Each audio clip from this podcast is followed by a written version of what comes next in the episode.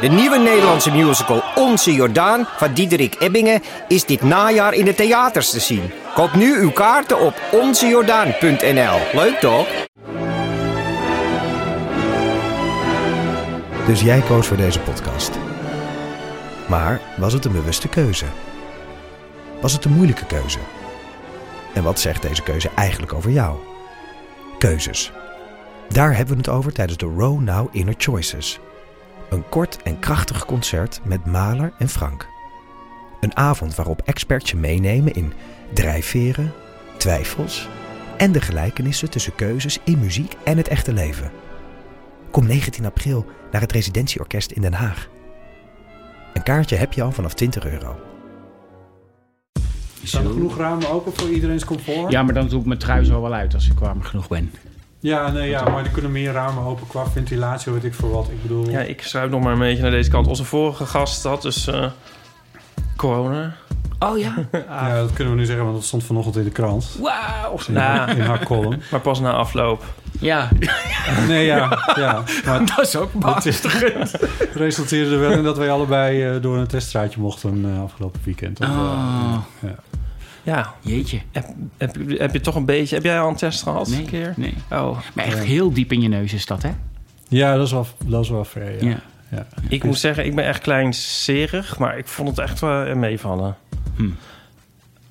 Ja, nou ja. Het was Ik ook had wel een bloedneus in de afloop. Dus Ja? ik, ja. Maar een bloedneus of een, een bloed, bloedneus, bloedneus of een bloedneus? Nee, een bloedneus. Maar gewoon omdat je terughield zo, inhield zo. Dat, Nee, dat, ja, dat- ik weet dat niet. dingetje ging schuren. Nee, ja, ik weet Nou, niet. weet je wat ze tegen mij snel zei? Het- Ik zat zo, zo met mijn... oh, Zo, ja, dat kunnen de luisteraars niet zien, maar... En toen zei ze... Ja, als je je ogen ontspant, dan gaat hij er makkelijker weer uit. ik was met mijn ogen dat stokje aan het Ik begon, vasthouden. ik begon enorm te tranen. Ze zei, oh, dat is heel normaal. Ik zei, ja, nee, het is ook niet dat ik emotioneel werd. Ja, nee, want je traanbuizen en zo. Oh, god. Zij Oh, dus en tegen je traanbuis aan met dat stokje. Ik ik zat in mijn autootje, eh, want dat, nou ja, autootje. En door zo'n straat. En dat ding dat slaat automatisch af als je de koppeling eh, uit de versnelling hebt, de koppeling los. Slaat Ja. hij automatisch af, milieu, et cetera, mooi. Ja. Maar omdat hij, nog, omdat hij niet heel warm was geworden... Tenminste, ik stopte bij haar. En eh, je mag hem uitzetten. Ik zei, dat doet hij zelf. En die ging ook uit. En toen, toen reikte zij bij mij naar binnen door mijn raampje zo. En toen sloeg de motor automatisch weer aan. En dat was net alsof ik, ik heel snel weg wilde rijden. Dat is echt heel stom. Dus als iemand je een hand door je raam steekt, rij je weer weg. Nee, ik denk dat de motor nog koud was. Of weet ik veel, dat de kachel te veel Dat is wel handig als je bij het stoplicht staat. Hier is een overval. Ja, dus iemand ja. die probeert eh, je, je tas te Dan pakken. ga je vanzelf Hup, gewoon weg. weer, ja. Door rood. Ja, ja. Maar het was, ik vond het toch wel leuk om ehm, eventjes mee te maken of zo. Want het is toch allemaal een beetje een soort vraagteken. Nee, als je, je, je zei iets moois over wat Nico... eh, ja, de Nico zei al de hele tijd van... je moet je echt een keer laten testen... want anders dan heb je straks de hele pandemie gewoon eh, ja, niet meegemaakt. ben ik het echt helemaal niet mee eens. Maar Nee, ik vond het wel leuk. En het is toch een Nee. beetje... Ja, je hebt wel eens iets op het journaal gezien... en dan zie je het in het echt. En dan Ja. denk je van... Valt reuze mee. opmerkelijk Ja. uneventvol vond ik het. Het viel me eigenlijk bijna tegen. En kreeg je ook een folder mee voor, voor de nazorg Ja, en stickers. Oh ja? stickers. Waar zijn Ja, jullie geweest dan? Stickers. In, eh, bij de, eh de RAI. Ik heb helemaal geen sticker gekregen. Nee? Wat heb je met die sticker gedaan? ik heb een, eh, Ik heb een, eh, een schrift had ik versierd voor Nico voor Sinterklaas met allemaal leuke plaatjes en dan heb ik ook die sticker opgeplakt. Zo, ik ben getest, staat dat erop. Nee, dus zo'n, eh, het is van de gemeente Amsterdam. eh, ik hou en dan een kleine afstand van oh, ja, jou. oh, ja. Oh ja, Ja. er was nog iets. Ja. Want jij ging zaterdagochtend om, weet ik veel, uur, 9, 10. Ja. En ik ging om 1 uur. Oh, ja. En ik had om, weet ik veel, 4 uur 's middag of zo... had ik al het resultaat... Wanneer, wanneer, 7 uur of zo was het. Ja, bij mij duurde het bijna twee dagen. Jij had het bij, bij, bij, in, in drie Ja. uur. Ik dacht van, hebben ze het wel echt getest bij mij? Ja, ja goed. Dus die jongen met die auto die weg wilde rijden, laat hem maar gewoon positief testen. Die had er toch geen zin in. Die komt toch geen tweede keer. Nee, die komt niet. Die heeft er geen zin meer. Die heeft het wel gezien. Ja, nou, maar goed. Voor de goede orde. Ja. Dat was dus eh, allebei negatief. Eh, dus eh, dat, is, dat is fijn. Eh Aaf is... eh Aaf is eh, ja, Aaf, is, Aaf heeft corona. En Gijs ook. En dat kunnen we zeggen omdat dat vanochtend in de krant heeft gestaan. Ehm, maar wij namen op maandag op in dit geval. En dat is onze redding geweest. Of zo. Weet ik veel. Retting. Ja. Zijn dramatisch. Ja. ja. Want zij hij heeft het pas dinsdag eh, gekregen. Wanneer ze nou? Vrijdag of zo? Woensdag had, had ze klachten gekregen. En vrijdag appten ze. Ja, Zoiets was het. dus dan heb je het op dinsdag, woensdag last ervan, vrijdag.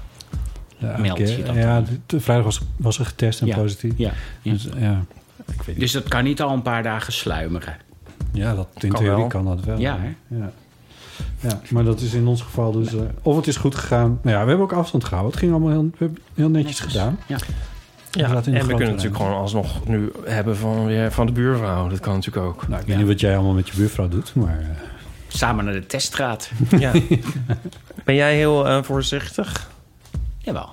Ja. Ja, ik weet niet wat ik echt moet doen. Nee. Eh, gekte. Black Friday kon ik ook vanuit mijn huis heel prima volgen. ik heb het vanuit huis gevolgd. Ja, maar want dat weet je gewoon. Dan gaat iedereen toch naar buiten. ja. Dat vond ik zo'n raar idee. Ja. Ja. Maar ja, ze, ze zeggen dat het, dat het aantal gevallen nu, om, nu hoger is... doordat die winkelstraten zo vol waren. Ja, Toen, daar kan ik me wel iets bij voorstellen. I don't know. Ik weet het niet. Ja, het zou kunnen. Ik, ik weet niet hoe het was in die winkels.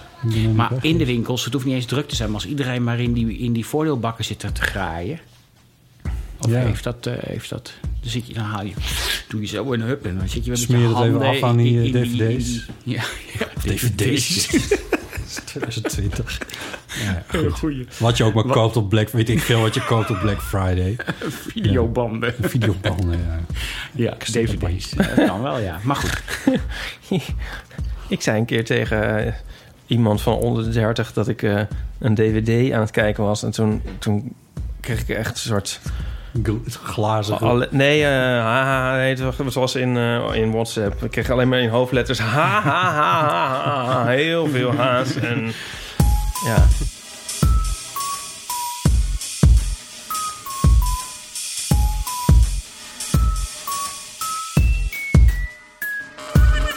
Welkom bij de Heel van de Amateur, aflevering 170.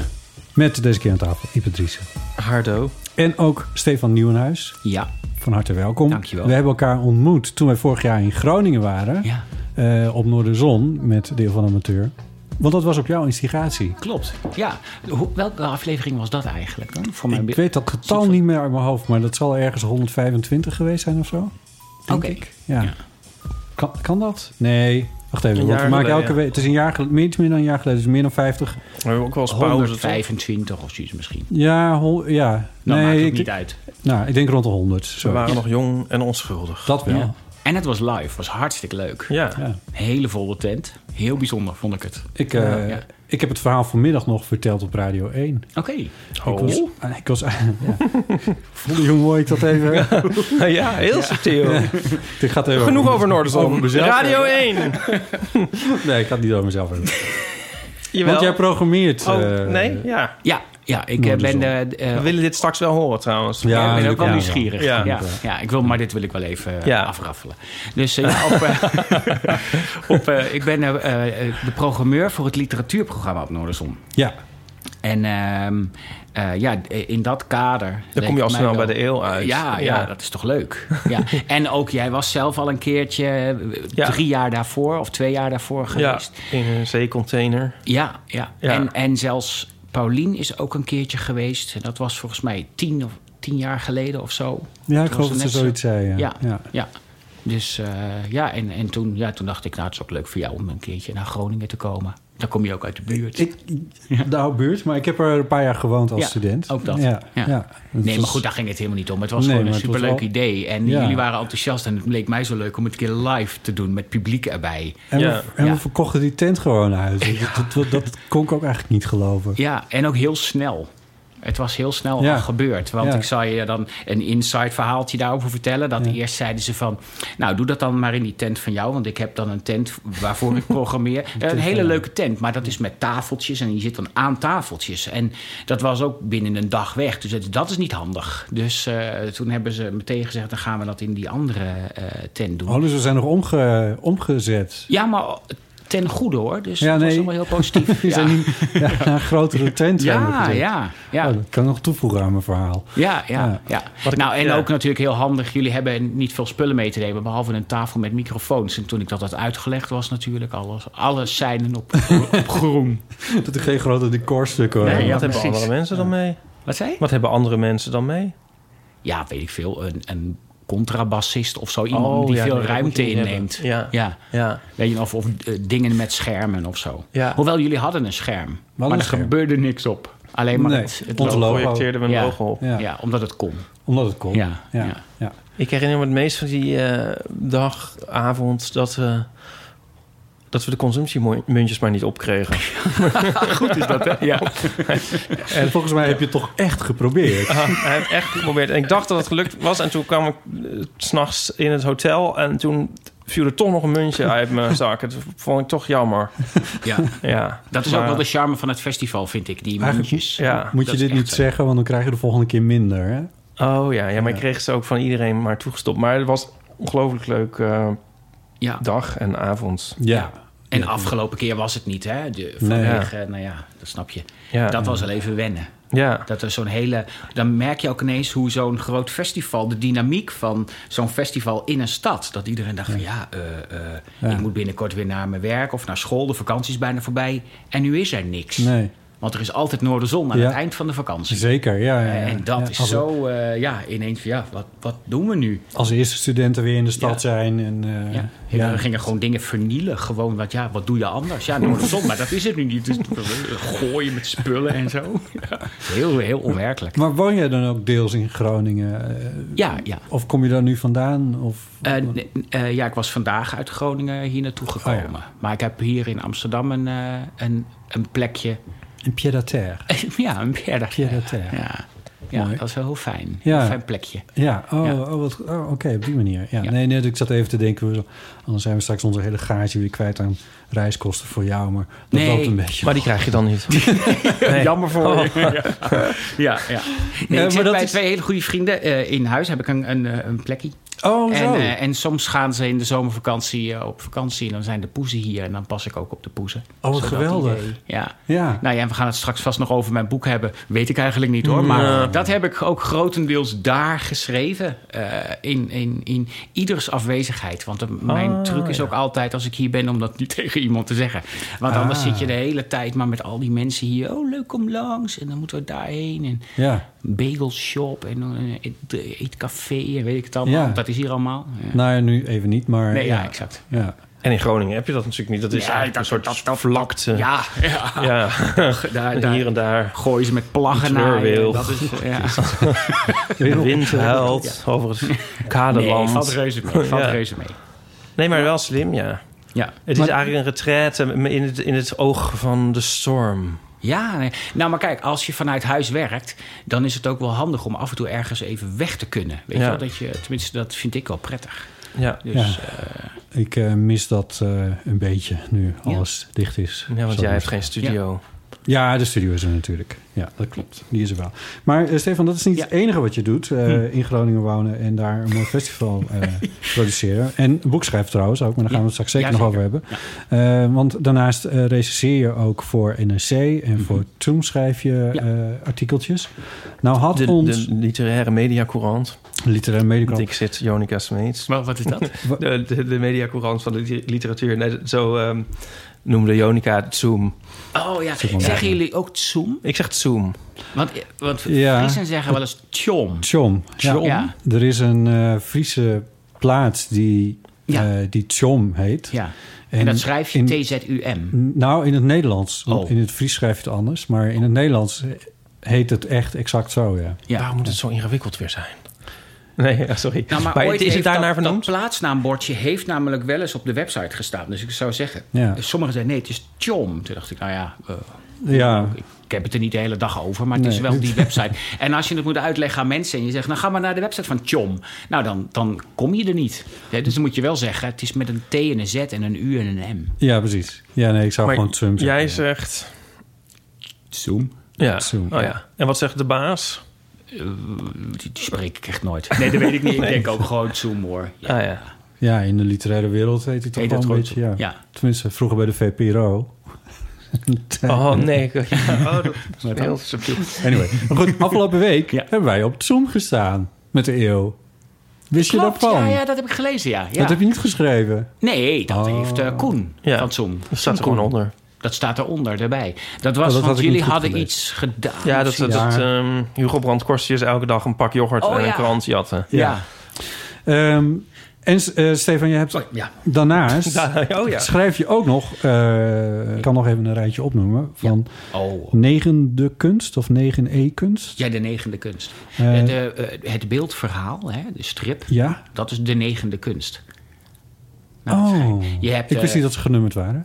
Ja, ja. Eh, Dat, ik weet de andere acht eigenlijk ook niet. Oh. Maar in Frankrijk hebben ze de, de negende kunst. Dat is echt een begrip. En daar weten ze Oh. de 1 tot en met 8 ook. Volgens mij zit eh, retoriek zit erbij. eh, retorica en schilderkunst, beeldhouwkunst. Volgens mij is fotografie is er eentje. Muziek- dat is de muziek zal er achtste. ook wel een Muziek, zijn. denk ik ook. Nou ja, zo... Misschien film. Ja, dan zal dat de achtste zijn. In ieder geval, er is eentje Ja. die is vrij laat. Ik dacht dat fotografie. Oh ja. Dat, eh, nou ja, Maar 8 neuf is dus de negende kunst. ja, Is dus strips. ja. ja beeldverhaal. Beeldverhaal. Is- ja, precies. ja. Het is wat breder dan strips. Ja. Ja, het is Ja. niet hetzelfde. Oh, oké. Eh, Ja, maar daar, daar gaat dus die website over de negende kunst. over beeldverhalen. Ja. ja. Ja. Eh, en dan is strips, stripgidsen er nog, zone 5300. Ja. Ik spreek het allemaal heel onhandig Ja, nee, uit. Ik ken, is- ik, waarom ken ik die titels niet zo goed? Ken jij die, al die titels, Ipe? Ja.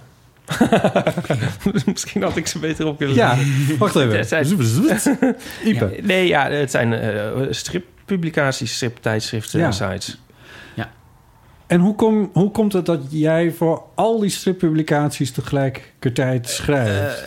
Ja, eh, nou, bijvoorbeeld stripgids, dat, dat is meer essay, essays, eh, langere verhalen of, of diepe interviews en dat soort zaken. Dus ja, dat komt dan eens voor. En recensies en interviews voor de negende kunst, ja, het heeft allemaal met elkaar te maken. Dus Ja, eh, dan is het een keer daarvoor en een keer daarvoor. Dus, Ja. ja. Maar je bent dus ook wel een echte striplie- stripliefhebber, Ja. beeldverhaalliefhebber. Ja, ja. Ja, je mag hem best stripliefhebber zeggen. Ik weet dat er een soort voorbehoud is bij strip. Kijk, ik ben Oh, ook nieuwsgierig. ja. Want iedereen bij strips altijd heel snel aan kinderverhaaltjes of zoiets. Of zijn Nou, dat dat staat heb ik wel afgeleerd in de het, eh, ja. Ja, Ja. Ja. Het is synoniem, toch? Ja, strip of beeldverhaal is een beetje een soort ja, duurder woord voor. ja. Ja, eh, we hebben T-Pex hier ook aan tafel gehad. Ja. Eh, Daar was ik ook erg van onder de indruk van eh, zijn Andy Warhol boek. ja. Dus Ja, ja, dat is mooi. nee, ik denk niet, nu niet per se noodzakelijkerwijs Nee, nee. meer aan... eh, Ja. ja. Maar dat heeft dus alles een beetje met elkaar te maken. En die wereld is toch maar klein. In het Nederlands taalgebied. Ja. Dus eh, ja, Ja. Dan, eh, dan gebeurt dat. En hoe vaak mag je in NRC, want daar schrijf je dan ook nog voor... Hm. hoe vaak mag je in NRC schrijven? Dat is altijd laatste vrijdag van de maand op de voorpagina van de gids. De. Dus daar stond volgens mij vroeger altijd een hele grote foto of een illustratie van iets wat binnen verder ging. Maar juist strips moet je zien. Hè? Dat, moet je, dat zijn mooie blikvangers Ja. ook. Dus eh, heeft mijn collega Ron Rijgaard het voor elkaar gekregen dat daar dus een eh, grote eh, pagina komt, een strippagina Ja. en een recensie erbij. Ah, ja. En dan nog wat, hoe noem je dat, signaleringen. Ja, ja, nog precies, meer. Vooral ook om te laten zien wat er allemaal te zien en te, te lezen is. Want Ja. eh, dat is wel echt belangrijk dat, er, dat je kunt laten zien. eh, we hebben gewone strips, je hebt eh, Japanse strip, manga en al dat soort dingen. En eh eh, avonturenverhalen, maar ook graphic novels, fotostrips. Nou ja, eh, gaat alle kanten op. Ja. Eh, Je hebt eh Ipes boek ook gerecenseerd. Daar hoeven we ook niet ingewikkeld over te doen. Nee. Eh, het is wel de reden dat we je hebben uitgenodigd. Oh, echt waar? Oh, en al die mails Nee, die ik geschreven heb, allemaal voor De niks. eerste link was natuurlijk Noorderzon. Dus Ja, dat gewoon Noorderzon. Ja, ja, Ehm, maar ehm, ehm, eh, hoe, hoeveel van die... Ja, ik bedoel... ik- hoe zeg ik dit zonder eh, raar te klinken? Maar in ieder geval... eh, Ik, ik weet nu iets meer over fotostrips sinds de laatste jaren, zullen we Mhm. maar zeggen. Ja. Dus ik weet ook iets meer van hoe Ipe opereert en hoe dat. Maar hoe plaats jij fotostrips? Dat is een hele journalistieke vraag, Ipe, Ja, maar dan nee, hou ik straks weer op hoor. Ja. Maar eh, hoe plaats jij de, de fotostrip in het hele striplandschap? Ja, het is nu wel een noviteit. Het is wel een, iets- een nieuwigheidje. Toch? De, Ja? Er is, nog, ja, er is er maar één die dat doet.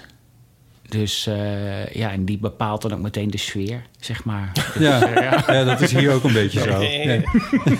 Ik ja, maar nee, kijk, mond. het, gaat, het gaat, eh, eh, eh, je gebruikt, Ipe gebruikt dezelfde middelen als een stripmaker, alleen het wo- wordt gefotografeerd. Ja. Weet je wel? En daarmee is sommige dingen zijn dus wat ingewikkelder. Want eh, striptekenaars kunnen dingen ja, laten zien die Ja. niet kunnen. Of die, die je kunt bedenken. Maar ja, jij moet het allemaal dan eh, fotograferen. En photoshoppen.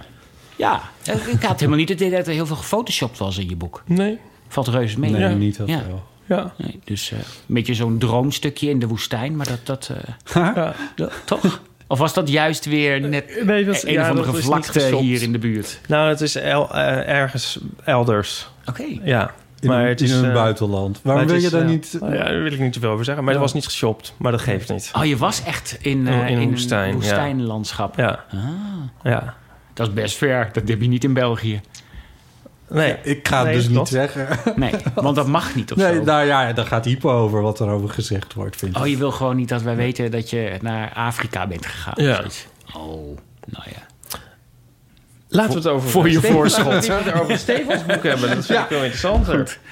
Ja, want daarna schrijf je dus ook nog een boek. Ja. En eh daarover dan ook mijn disclosure. Ik heb het helaas nog niet kunnen lezen, maar ik heb hier wel een exemplaar liggen. Ipe, jij hebt het wel gelezen. Sterker nog, je hebt er post-its in Ja, zitten. heel indrukwekkend. Nou, ik heb er één post in zitten, want Oh. ik, eh, ik Oh, denk, als jij een stuk... ja. Eh, misschien kan je dat straks eh, voorlezen, dat Oh, ja. stukje. Ja. Oh. En ja, ik eh, Ik, had, ik zal ik eerlijk zeggen, ik had van tevoren... Ik doe niet zo ingewikkeld over dit gesprek. Ik had gevraagd, is er een soort video waarin wordt uitgelegd hoe dat hier werkt en zo. Maar dat was er allemaal niet, zei Ipe. Een video? Ik- ja, ik moest gewoon heel rustig aandoen. Oh ja. En ik dacht, misschien zijn er eh, eh, bepaalde manieren om eh, met jullie om te gaan of zoiets. Of dat jullie zeggen, je moet niet dit zeggen. Of Ja, je doen, kan ons dat. eigenlijk het beste gewoon geld geven. Nee, nee, maar Nee, dit- ik zei, ik, ik wil één ding. Ik, dat jullie niet zomaar zeggen in het gesprek... Lees even een stukje voor. dat vind ik zo vervelend dat je moet gaan zitten bladeren. en ja, dat je dat denkt, vanzelf moet uitzoeken. Ja, ja, Ja. gewoon maar iets. Gewoon lees gewoon iets leuks voor. Maar dat, dat vragen mensen wel eens. Ja, nou, dat is wel eens gebeurd, ja. en dan heb jij niet iets in je hoofd van, nou, dan doe ik dat. Ja, ja. Maar dan hadden ze me dat even kunnen zeggen. Dan Ja. kun je er op zijn minst een beetje op voorbereiden. Ja. Het is eh, Ja. dat stomme geblader. Want dan denk je, oh, dan doe ik die scène. Maar waar staat die, weet ik veel. Ja, ja. Ik heb niet een heel boek vol post-its. Nee. Nee. Nee, nee dat snap ik. Ehm, laat ik eens de titel gaan noemen van dit boek. ja, dat is per slot van Luisteraar alvast mee kan schrijven. En dan eh, eh, naar bol.com kan gaan of de lokale boekhandel.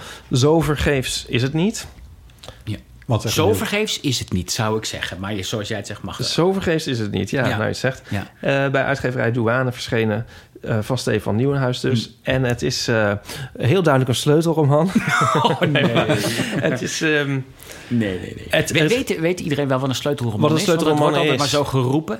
Want ik Ja. krijg het dus hit het op mijn brood. En dat is het niet. Maar Oh, ik wil ja. dan wel... ja, het wekt wel de indruk een sleutelroman...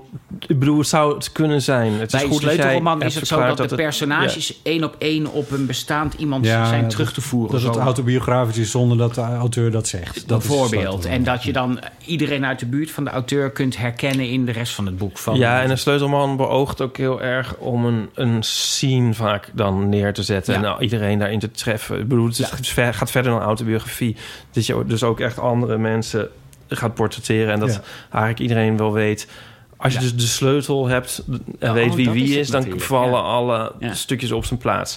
En dit boek wekt een klein beetje die indruk... want het, het gaat over de uitverkiezing van eh, de stadsstichter van Groningen. Nee, van- Eh, oh, van, een noordelijke plek. Nee, niet, ook niet eens noordelijk. noordelijk. Oh, jee. Het is, het, Ja, het is een beetje verwarrend. nou ja, zal ik dan eerlijk zeggen? Bijvoorbeeld in, in Groningen heet alles Noord. Als je eh, Ja. een festival hebt, heb je heet het Noorderzon. Ehm, fotografie, Noorderlicht. Eh, ehm, je hebt dan een, een literaire club, Noordwoord. Alles heeft het woord RTV Noord, Radio Ja. Noord. Net als Eh, Dom in Utrecht.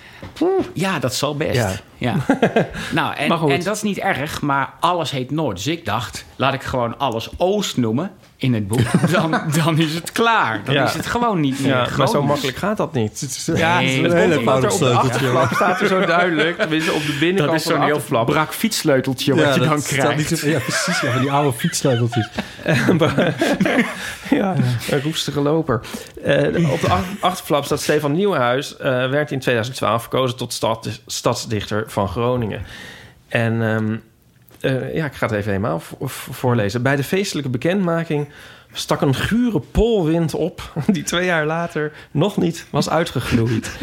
Daar wil ik toch ook wel iets meer van weten. Ja, ja. Maar goed, hij maakt, toch maakt hij veel interessante dingen mee. Ehm, nou, en dan wat dingen die hij meemaakt. Je kunt zeggen dat alles dus toch nog goed is gekomen. En het leest toch enigszins als een soort... ehm, ja, ik bedoel, hiermee wek je wel een beetje de indruk... Ja, ik wil ook een- wel indrukken wekken. Ja. Dat, dat zelf niet ontkennen. Nee, Ja. maar ehm, je hebt al heel duidelijk aangegeven... elders... ehm, dus voor ik het ging lezen had ik ook al ge- gezien... het is geen sleutelroman. Hm.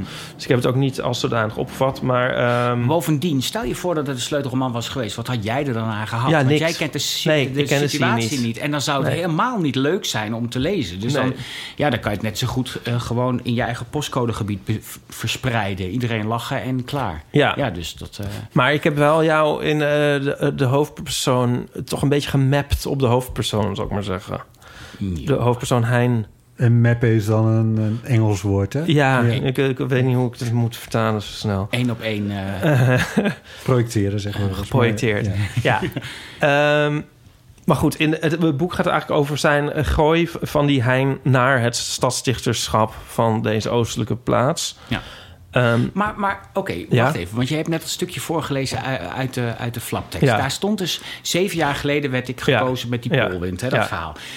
Ehm, het verhaal is zeven jaar geleden. Op het eind vertelt Ja. de hoofdpersoon ook... dit is zeven jaar Ja. geleden gebeurd. Dat Ja. zegt hij in het boek. ja.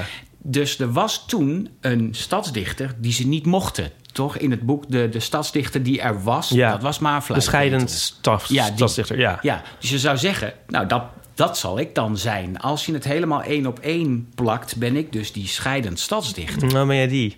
Oh Ja. ja, maar ik denk altijd Maar het idee dat- dat, zijn poëtica dan niet... eh, die kan ik dan niet helemaal vereenzelvigen met het beeld dat ik van ja, jou heb. Ja. Ja. Dus, maar dan, dan, dan kl- klopt het alweer wat minder. Nee, ja, ja, ja. Ja. Maar goed, eh, ik weet niet hoe we nu op dit punt zijn aanbeland. Want ik heb het dus ook niet opgevat als een sleutelroman. Eh, nee, Nee. ja, precies. Maar goed, we zijn nog Ja. bij, bij de achterflap. Ga verder.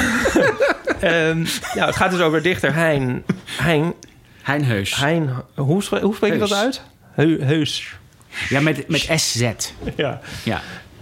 Ehm, die een, een gooi doet naar het stadsdichterschap van eh, deze plaats. En je krijgt een, een, eh, als lezer dus een indruk van het reilen en zeilen van de poëtische kringen van een, eh, Een dichtersmilieu. een dichtersmilieu. Ja.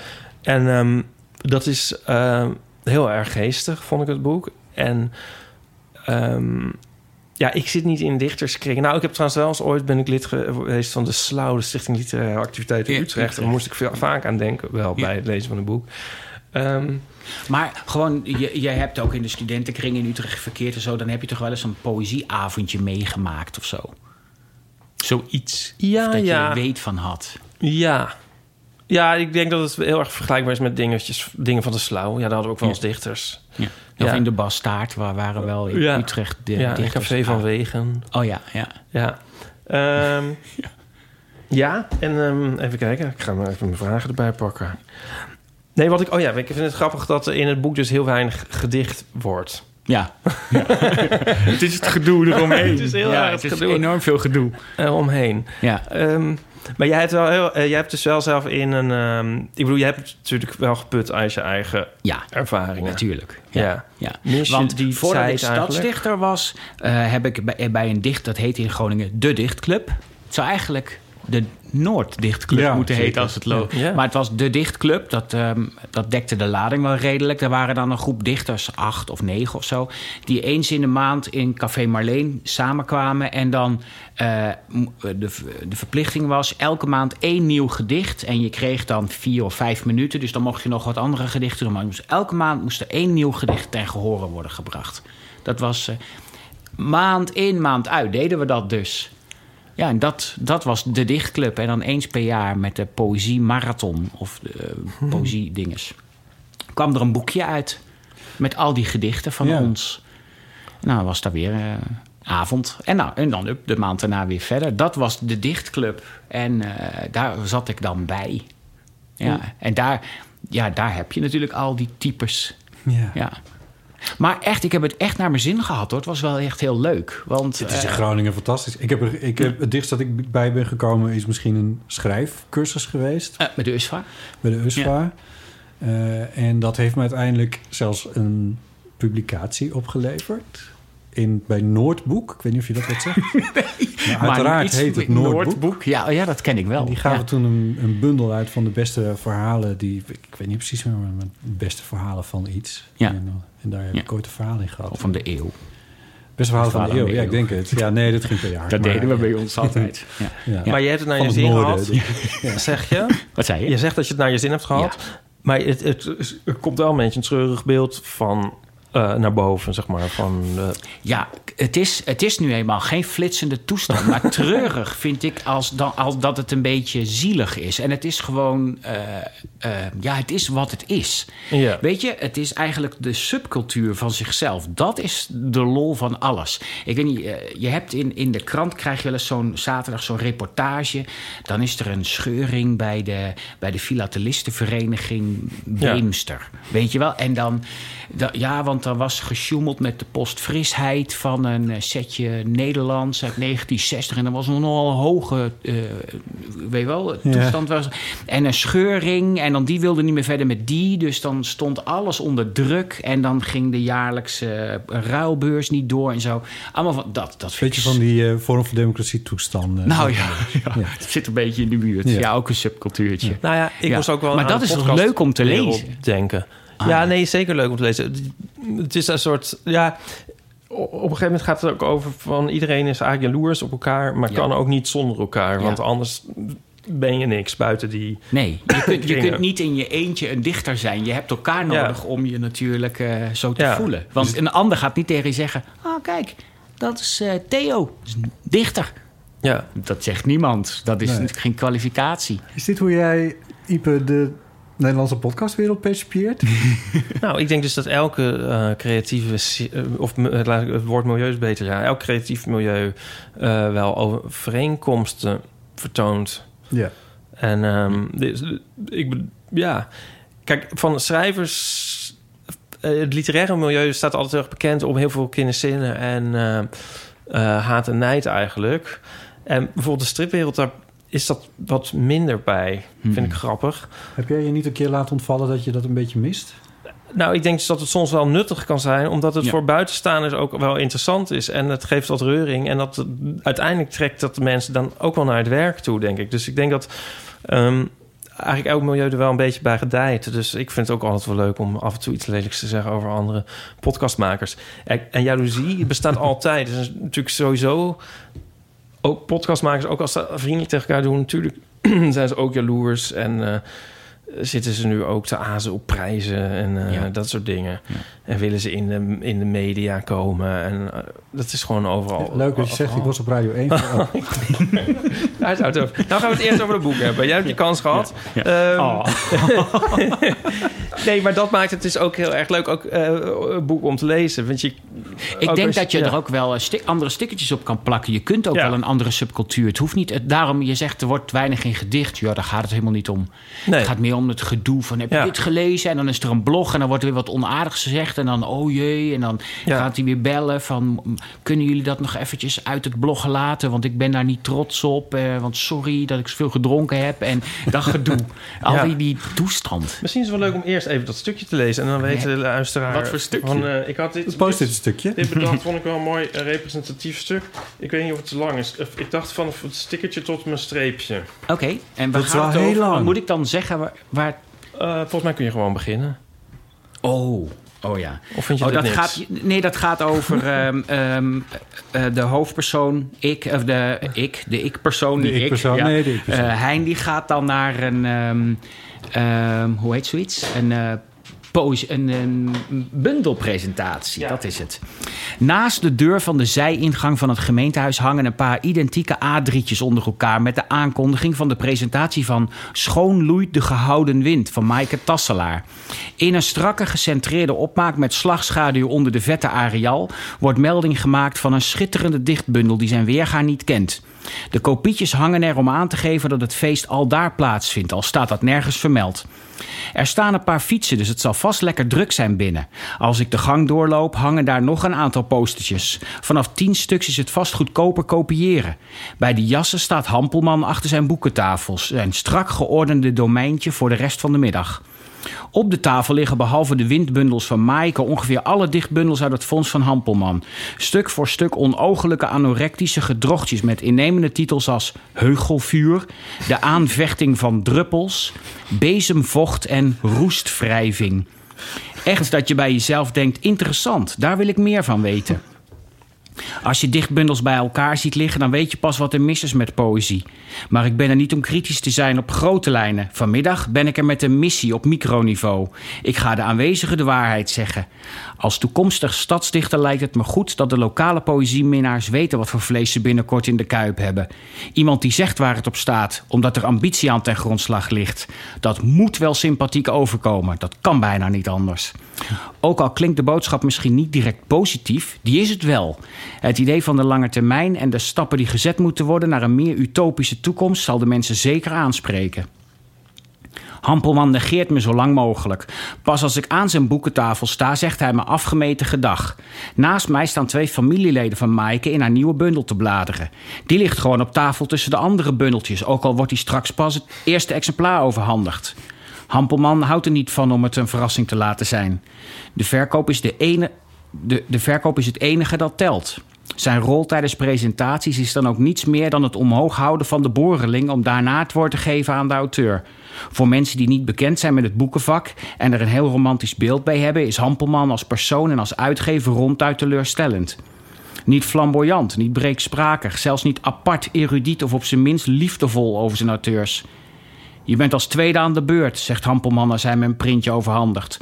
Op het velletje staan, staat het programma. Eerst is er een voordracht van Jasne Meludi, een goede vriendin van Maaike en toevallig ook dichter.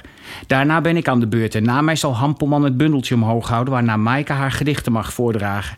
Na Maaike is er nog een extra voordracht van Jasne en dan is er gelegenheid tot de aanschaf van een bundeltje. Dat staat er op zijn Hampeliaans. Naderhand heffen wij onder het genot van een hapje op de klanken van pianist Arthur Mark als de bundel die gesigneerd wordt aan de boekentafel van Maaike Tasselaar het glas. Weer eentje voor in het plakboek. Ik heb me voorgenomen rustig te blijven, maar werkelijk, hoe krijgt die man het voor elkaar? Hein, hier zo, hoor ik achter me. Het is Leon, die kijkt alsof het allemaal erg spannend is en we een groot geheim met ons meedragen. Ik zwaai terug. Je hebt ongeveer 5 à 10 minuten, zegt Hampelman. Maak het niet te langdradig. 5 à 10 minuten herhaal ik. Dus 5 minuten of twee keer zo lang. Hampelman kijkt me aan en zegt niets. Ik heb drie gedichten bij me, zeg ik. Zo lang gaat het duren. Als het maar niet langer dan 5 à 10 minuten is, zegt hij. Ik zal mijn uiterste best doen, maar ik kan niets beloven, zeg ik terwijl ik het velletje papier in zijn gezicht hou. Ik zie dat er een heel strak schema is. Ja? Ja. Waarom koos je dat stukje nou uit? Nou ja, er staan heel veel leuke stukjes. Ja, het schetst wel echt een heel mooi Nou ja, beeld. ja. ja. Ik vind die titels ook allemaal zo grappig. Van alle, er komen heel vaak titels van andere bundels Ja. voorbij. Daar heb ik ook zo om gelachen. Dat is zo leuk. Hoe waar, kwamen die allemaal Ja, vandaan? we gaan gewoon ga serieus een keer naar een boekhandel en ga naar de poëzieafdeling en kijk hoe die heten. Die heten zo. ja, dat is. eh, Dat, maar ook, ja, wat, wat zeg je eigenlijk tegen de mensen? Weet je wel? Oh, kijk, een heel dun boekje. Wat is het? Heugelvocht. Oh, of, eh, of ja, ja. mensresidu. Dan denk je, oké, ik zet hem wel weer terug. Ja. Ja, pittig is dat. Ja. Ja. Hey, en die gure polwing die opstak. Hm. Dat, is weer, dat, he- dat heeft niets met Hein te maken, dat heeft met mij ja, dat te gaat nu weer over jou. Ja, ja, ja. Is, ehm, ja, was nou dat ja, zo? heb ik dat ervaren. Toen eh, bij, on- bij ons in Groningen, dat gaat dan wel even over hoe het bij ons Ja. gaat. Ja, dat is, eh, er is echt zo'n enorm ding. Iedereen wil wel stadsdichter worden en zo. Het is nu ook alweer gaande. En dan hoor je ook van mensen van... nou, er zijn echt lui die campagne voeren en zo. Allemaal heel pittig. En anderen vinden dat echt een schande. Dus daar wordt echt serieus werk van gemaakt en zo. En ehm, in die tijd eh, zat ik dus bij die dichtclub. Maar mijn gedichten waren vaak ook gewoon een beetje kleinkunst. Dat was ook om te lachen en, en de- de- een beetje... Concreter. Nou ja, ik deed wat, wat meer mijn best om het publiek te vermaken. En Ja. daarmee werd ik dus wat minder poëtisch. Dat was prima, iedereen vond het oké. maar dan moet ik nou niet gaan, net gaan doen alsof ik een stadsdichter zou willen worden. Maar ik had heel slimme gedichten geschreven, kan ik achteraf zeggen... over dingen in de stad. Ik zei ook, ik wil iets stadser zijn en iets minder dichter. Je bereikt mensen niet met een hervertaling van Baudelaire in een, een soort taal. Dus ik dacht, nou, dan ga ik het gewoon hebben over, over een beeld en over Bommenberend, het ontzet van Groningen en zo nog wat dingen. Nou, dat viel dus in de smaak. Dus toen zat iedereen in opperste nervositeit in die zaal. Werd dus bekendgemaakt. En toen werd mijn naam genoemd. En mensen klapten niet eens. Tenminste, wel gaandeweg, de, de neutrale mensen. Oh. Maar mijn dichtbroeders en zusters niet echt. Die vonden dat echt niet tof. Nee. Nee. En ik heb echt mijn best gedaan daarna om er wat leuks van te maken. En we hebben hele leuke dingen gedaan, weet je wel. Eh, poëzie in, in lege etalages hangen. En niet van mij, maar van iedereen. Ja. Om ook weer te laten zien dat er heel veel is. Dus ik heb echt mijn best gedaan. Maar ja, ik was toch wel een beetje die eh, Wanneer was dit? 2012, 2013. Want ik kan me herinneren dat we in Nederland de eerste dichter des vaderlands hadden. Ja. Riek van Wissen. Riek, ja. Ja. En die kreeg de wind ook zo ongelooflijk Nee, van was, voren. nee was, het was volgens mij Gerrit Komrij. Was Gerrit de eerste. Komrij, ja, dat was de eerste. Maar toen ging Driek van Wissen, Ja. die ging toen campagne voeren met, met... Ik weet nog wel dat hij pennen had met grapjes erop en zo. Oh ja, en zou dat werd kunnen. ook niet Maar ik weet, ik weet nog dat, dat, dat... Ik bedoelde Driek van Wissen, want die, dat die de wind ook enorm van Hm. Ja. heeft gekregen. Over dat het Ja. allemaal niet poëtisch genoeg zou zijn. Nee, en nee. te volks en weet ja, ik veel. ja. Nou, wil ik me daar niet mee vergelijken. Want de gedichten die ik schreef toen ik stadsdichter was... waren wel gewoon meer dichterlijk dan rijmpjes. Sowieso rijmpjes zijn het nooit geweest. Nee, maar dat werd Driek van ook wel ja, gewoon rijmpjes doen. Ja, ja. precies. Ja. Ja. Maar dat is natuurlijk een beetje het probleem van het hele fenomeen. Dat je verschillende opvattingen hebt en Ja. iemand vertegenwoordigt dan eh Ja. opeens de... Ja. En Ja. wie gaat erover? Wie bepaalt uiteindelijk wie een dag een, een Dat is wordt? een jury.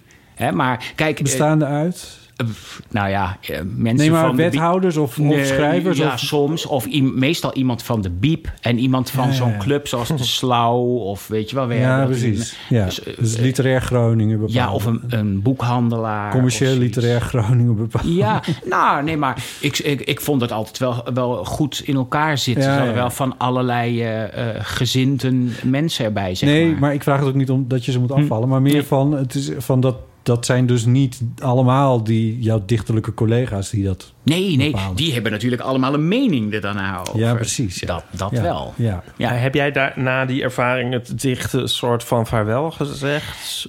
Eh, nee, m- wel een beetje, zeg maar, gewoon... Ik ben toen opgehouden bij de dichtclub en dat hele... eh, ja, dat voordragen. Op een gegeven moment is dat ook wel echt twee jaar stadzichter zijn. Dat is enorm vermoeiend, want letterlijk overal wordt je voor gevraagd. Dat is wel echt stoer. En ik weet niet hoe het in andere steden is, maar wauw, in Groningen wordt daar echt Ja? werk van Elk gemaakt. stoepje dat geopend werd, daar...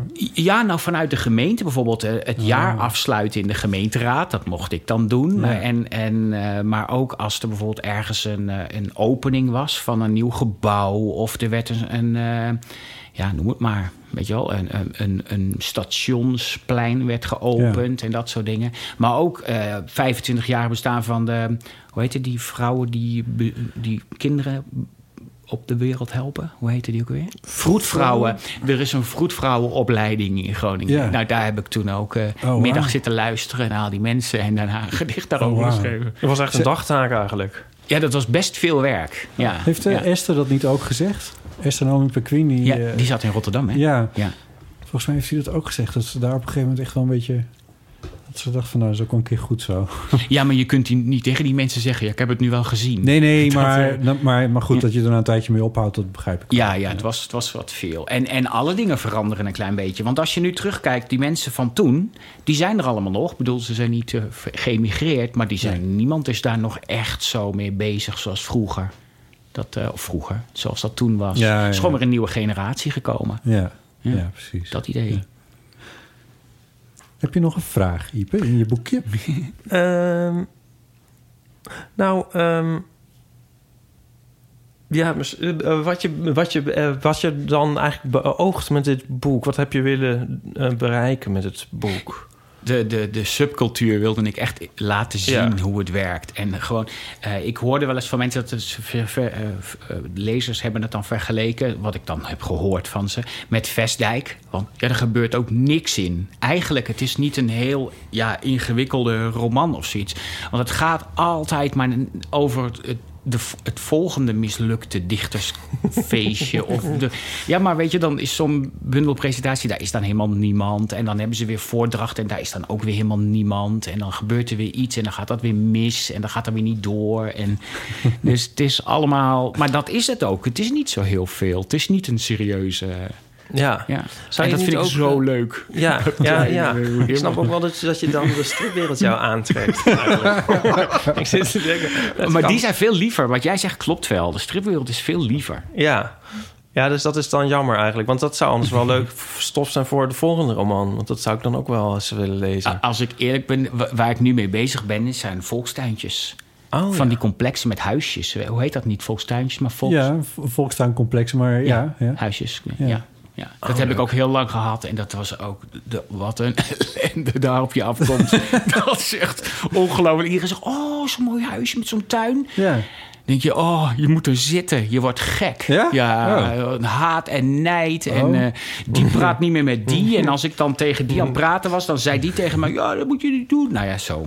Wat geinig. Ja, heerlijk. Dus het is echt jouw, jouw ding, zeg maar. Want je hebt eerder, heb je, eh, dat is ook een roman, toch? Ik ben omringd door de bielen Ja. en ik voel me goed. Ja.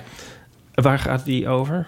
Da- dat, dat was eh, over een Arbo-medewerker die, Oh ja. ehm, ja. die, die het niet zo goed, eh, positief heeft met zijn, met zijn collega's... die hij zeg maar moet beoordelen of helpen. En die wordt dan zelf op een dag ontslagen. En dat wil hij geheim houden. En dan gaat hij dus elke dag netjes 's morgens met zijn eh, auto naar een camping. En dan gaat hij daar zitten wachten tot de dag voorbij is. En dan gaat hij weer naar huis. Dat, Ja. Daar ging dat over. Maar dat was wat anders. Ja, dat is net wat anders, ja. Maar nu heb je denk ik helemaal je onderwerp gevonden. Ja, ja, ja. ja, maar dat vond ik daar ook al wel leuk, van die cultuurtjes. Dat was dan wel meer eh, de... eh, ja. Maar weet je, waar het zich in verenigt, is dat je... je, je bent gewoon zoals wij zijn. Hè, en je doet s'avonds dan je jasje aan. En je, je pakt je, je spulletjes, je gedichtjes. En je bent ineens niet meer diegene die je vanmiddag was. Maar je bent iemand anders. Eigenlijk is het gewoon larpen. Maar je hoeft je niet helemaal zo te verkleden. Ja. Snap je? Maar dat is Ja, echt zeker. hetzelfde. Want je loopt in een bos en dan ben je gnarwarg. Omdat je zo'n pak aan hebt. En daarna doe je het pak weer uit. Je rijdt weg en je zegt... dit was een heel leuke middag. We Ja. hebben een heel leuke strijd of zoiets gehad. Nou, Ik dit is, dat dan, dit is toch even een eh, bruggetje dan nu naar jouw verhaal, denk ik, Bob. Ja, Jij ik was zo bij Radio vertellen 1. over maar dat ik bij Radio 1 was. maar ik herken dit een beetje als ik eh, met een gitaar ergens naartoe moet. Ja. Ik ben helemaal niet zo'n enorm begiftigd gi- gi- gitarist of zo, maar dat komt natuurlijk wel eens voor. Maar dat voelt inderdaad als die accessoire zo op je rug hangt. Ja. Dan ben je ineens de gitarist Ja, ja. die door de stad fietst. Ja, ja, Dus dat, dat- zo, op die categorie zit dat een beetje. ja, ja. Hey, maar hoe hebben eh, jouw collega's in Groningen uit die wereld... hoe hebben dit, die dit boek ontvangen? Ik, eh, ik heb ze er Het is nog geen sleutelroman, over... beste nee, mensen. nee, ik heb ze er nog niet over gehoord. Ik weet ook niet of het echte lezers zijn. Nee, dat is flauw. nee, weet ik niet. Ik, eh, ik heb een paar mensen zo kort even gesproken... die moesten, die zeggen het is heel herkenbaar... maar die zeggen eigenlijk hetzelfde als mensen uit een andere stad... die zeggen het is heel herkenbaar. Ja, ja, ja. Dus het is niet per se eh Nee, Gronings. het is- het is wat universeler Zo. Ja, wat dat denk ik ja, uiteindelijk ja. ook wel. Ja. Maar de grap zit hem er ook wel in. Natuurlijk heb ik wel nagedacht als bijvoorbeeld het café waar het speelt. Daar Ja. heb ik natuurlijk het café in Groningen in mijn hoofd gehad. Ja. Gewoon omdat het makkelijk werkt. Ja. En daar heb- bij bij binnenkomst. En dan heb je meteen om het hoekje stond dan zo'n klein podiumpje in de hoek. Weet je wel? Dus als iemand dan de deur open deed, dan moest, dan moest diegene stoppen. Want dan. dan eh, dat. En dat blijkt dus in Rotterdam ook Ja. te zijn. Die Ja. hebben ook zo'n café. En dan denk ik, ja, waarom ook niet? En, eh, dus, maar eh, ik heb nog geen mensen gehoord die zeiden... ja, dat is niet, niet aardig van je. of- Nee, of zoiets. Dat, En ja, nou, ik wil er best over hebben. Ik heb me ook wel een beetje zo ingedekt dat als iemand zegt... ja, dat is die, dan denk ik soms... dan heb je niet zo'n positief beeld over diegene... Ja, als zo, je dat ja. zo... eh, ja, dat is wel goed ja. om te zeggen. Ja. ja. En bovendien, als het in het boek een man is, is het 9 van de 10 keer een vrouw. Of heeft hij een snor. Of, eh, Je bent nu die- veel sleuteltjes aan het uitdelen, maar ik snap wat je bedoelt. Ja. Ja, gewoon een hele sleutelbos. Zoek het maar uit. Ja, en dan zeggen ze, maar waar is het slot? En zeg ik, ja, dat is nergens. Ja. Ja, want dat hebben jullie erin gefietst. Ja, Afijn. Heel erg mooi. Ja, ik zit nu te denken aan, ehm, aan de volgende wel. Ik zou dus, ja, ik zit te denken wel over sleutelromans. Ehm, je hebt de grachtengordel van, eh, ja, nu blijven we maar doorzeuren precies over sleutelromans. Nou. De, gra- de grachtengordel van Geert de Meijsing. Hm? Ehm, ik geloof dat Zal ik even wat frisse thee zetten? Dit is wel goed, hoor. Is- Ja, maar het is wel een beetje... Maar dat zakje, oh, dat zakje hing erin. Ja, dus het, is, het is misschien... Ik kijk, e- ik kijk even. Ik ga het dit even regelen. Ja. kan je het het even... kaarsje is ook al uit. Ja, is, ja, ik ga het even oplossen. Oh, Oké, ben er klaar voor. Stevig thee. Nee, is goed. Mag jij nog complimenteren Ipe, met je trui? Oh, eh, ja, dank Is dat nou echt een Lego, Lego. of iets wat je Dit is een daar... Lego trui, die heb ik van eh, Sinterklaas gekregen. Oh, wat aardige kun je man dat is dat toch ook? veranderen? Ja, je kan hier op Lego. Ach, wat leuk. Je hebt een klein eh, geel vlakje op eh, zitten met van die puntjes. Ja, En daar zitten... Ja, een soort Lego-steentjes zitten daarop. ja. Ga, ga even thee zetten. Nee, Geert en Wijsing had eh, de grachtengordel dat boek. Dat is dan wel een sleutelroman. Die is, die is laatst opnieuw eh, uitgebracht met een soort met de sleutel achterin, zeg Oh, maar. ja? Ja? Met de legenda. Ik zat te denken van uit commercieel oogpunt zou het misschien wel weer slim zijn om het eh, heel erg. eh Ja, dat, ja, Daar smullen mensen natuurlijk van. ja. Ja, ik weet het niet. Maar goed, dat heb ik helemaal niet zo Nee, dat heb bedacht. jij helemaal niet- Dat, eh, ja. Nee, want er wordt... Nou ja, ja. Ja. Wat heb jij het met, met Radio 1? Waarom lach jij daar elke keer over als hij daarover begint? Oh nee, ik ben gewoon ben benieuwd. Nee, ik vind het grappig dat jij zegt van je doet een colbertje aan en je bent iemand. Dus dan moest ik weer denken aan Botten die vanmiddag bij Radio 1 was. Maar dan ben je toch ook een beetje een soort larger than life als je zo, eh, denk ik, Larper than live. larper than life. Ik dacht heel even toen, toen ik over LARP begon, toen keek je echt zo van ja, ja, ik weet dat wel. Toen dacht ik, oh oh, dan krijgen we straks van, ja, dat jij ook zo'n LARP-kostuum hebt. Trots dat ik weet wat dat betekent. Ja, Maar het is ja. niet meer dan dat, vrees ik. Live action roleplay. Deze aflevering van de Eeuw van de Amateur wordt mede mogelijk gemaakt door HelloFresh. HelloFresh helpt je met de dagelijkse boodschappen en zorgt ervoor dat je variatie, inspiratie en gemak hebt bij je avondmaaltijd. De maaltijdboxen van HelloFresh zijn gevuld met uitsluitend verse ingrediënten en worden geleverd door betrouwbare leveranciers. Wekelijks kan je kiezen uit 20 verschillende gerechten. Dat kan vis zijn, vegetarisch of met vlees. En die worden vervolgens op een door jou gekozen moment bij je thuis bezorgd. Een HelloFresh klant zit nergens aan vast. Via een app of een website kun je heel makkelijk een week overslaan of je account stopzetten. Ipe, wat heb jij deze week gekookt met HelloFresh? ik heb groente paella met knapperige halloumi gemaakt. Dat klinkt ambitieus. Ja, dat klopt. Dat zou ik uit mezelf dus nooit gemaakt hebben. Ehm, maar met die doos en alle ingrediënten gewoon bij de hand en een overzichtelijk recept ehm, ging me dat heel goed af. En hoe smaakt het? Het was echt heel erg lekker. Het, was, ehm, het viel me op bij het maken. Ik had dus nooit paella gemaakt. Het is eigenlijk een soort risotto. Het is een soort Spaanse risotto. Niet dat ik ooit risotto heb gemaakt. Maar dat komt misschien nog een keer in een volgende doos. Je hebt nu een kaart voor je liggen met een prachtig plaatje erop van die paella. Ja, dit is het, de serveersuggestie. Nee, maar ehm, ja, kijk, dit is het plaatje. Het ziet er prachtig uit. En hier heb je het recept. Het is een beetje als een Lego-boekje met alle plaatjes, alle stappen zo in plaatjes. Er kan eigenlijk niks misgaan. Er kan eigenlijk niks misgaan. Het ging ook niet mis. Het was echt heel lekker. Wil jij nou ook graag HelloFresh uitproberen? Met de code HelloEeuw krijg je in totaal 40 euro korting over je eerste drie maaltijdboxen. Zo kan je kijken of HelloFresh iets voor jou is. Door met de podcast. Ik ben wel eens in het eh, Archeon, heet dat zo, geweest. En daar heb je dan vrijwilligers, die zitten dan ook in die klederdracht. eh, in, in van die boerenhutten en zo. eh melk te karnen. En ehm, die, dat waren dus mensen die dan ook buiten het seizoen, als het eigenlijk dicht was, mochten ze dan als beloning, zeg maar, ook toch dat Archeon in. En dan gingen ze daar dan hele weekenden of, of, of dagen, weet ik veel. Dus dan echt zo leven. Echt leven. Ja. Ja, ja dan je toch wel een beetje, eh, Wel van pad af hoor. een beetje van pad af. Ja. aan de andere kant, ik ben Ja, ook altijd denk ik wel van ja... Het is ook wel leu- fijn als mensen een In hobby zo'n hebben, zal cultuur ik maar is het zeggen. superleuk om ja, te ja, zijn. ja, Dat heb je toch ook... Ben je wel eens bij een Comic-Con geweest? ja. Al die jonge mensen Ja. die verkleed zijn, die hebben het zo naar hun Ja. zin. Ja. Dat vind ik alleen maar leuk. Ja, Ja, vind ik waarom ook, zou hoor. ik dat... Ja, waarom zou die ik daar doen iets van geen vlieg vinden? kwaad. Ja, nee, vind ik ja. ook. Ja. Oh, Sydney doet dat regelmatig, toch? Die gaat regelmatig naar dat soort... eh, Ja, maar die gaat dan niet helemaal uitgedost, zeg maar. Ja, Nee? dus mensen die dan... Dat vroeg ik me altijd af. Ja, ik zie altijd hoe hij foto's maakt van Hij maakt foto's van de mooiste eh, vlot- mensen, vlot- zeg maar. vlotte jonge mannen. Nou ja, nou, ja, nou, je hebt ook mensen die dan inderdaad heel sexy cosplayen. Maar ik, ik vind het ook grappig als... ehm, tegenwoordig, ik, omdat ik weet dat het bestaat... Ik keek laatst Star Trek en dan had je een aflevering van de, de oude, de eerste serie. Dan had je de Horta en dat was een soort vloerkleed... eh, dat dan over de grond kruipt. En dat is dan, was dan een heel zielige wezen. En toen dacht ik van, oh, zou dat ook, zouden mensen ook als de Horta cosplayen? Dus googelde ik dat. En ja hoor. Nee. Echt waar? Eindeloos mensen die onder vloerkleden op van die beurzen rondlopen. ja. Wel, wel eh, Silent Bob van, eh, van Ja. Clerks, die was er een keertje. En die liep daar gewoon rond. En je dacht, nou, wat is dat voor een rare kerel? En ik dacht, maar dat is Silent Bob. Dus ik zei, hey, Silent Bob. En hij echt zo. Oh. En volgens mij was hij gewoon alleen super blij dat iemand hem herkende Ja, als Bob. Ja. Dat hij dacht, ik loop er natuurlijk verkleed bij, jongens. Dat snap Ja. toch? Nou, ik was ooit naar een Halloween feestje. Ehm, toen was ik samen met Jules, waar wij... ehm, hoe heet het nou? Walter en... eh, eh, van Breaking Bad. Ik kon weet niet Oh, meer die de twee. Ja. Nee, ik weet Jesse. het. Jesse. Jesse! En eh, eh, ja, Jules was eh, Walter en ik was Jesse. Maar ik had bijna niks gedaan. Ik had alleen een zak, een soort kristalsuiker bij me. Dat was dan de crystal meth. En ik had met heel veel moeite voor het eerst in mijn leven... Ik had gekleurde contactlens ingedaan om heel blauwe ogen te krijgen. Ehm, maar dat zag je eigenlijk helemaal niet, want ik heb eigenlijk al blauwe ogen. maar ik kwam dus bijna niet het feestje in, omdat ik niet... Dat ze dachten dat ik niet verkleed was.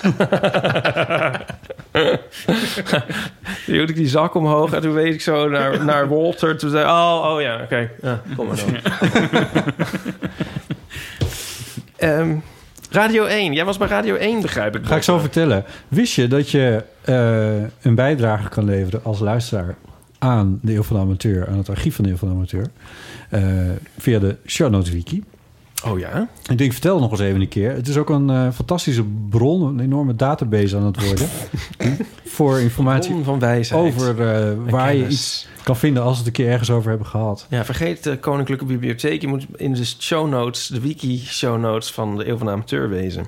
Ja, waarom zijn die eigenlijk nog niet opgenomen in de catalogus van de Misschien zijn Koninklijke? ze dat wel. Ja. Nou, Dat weten we helemaal niet.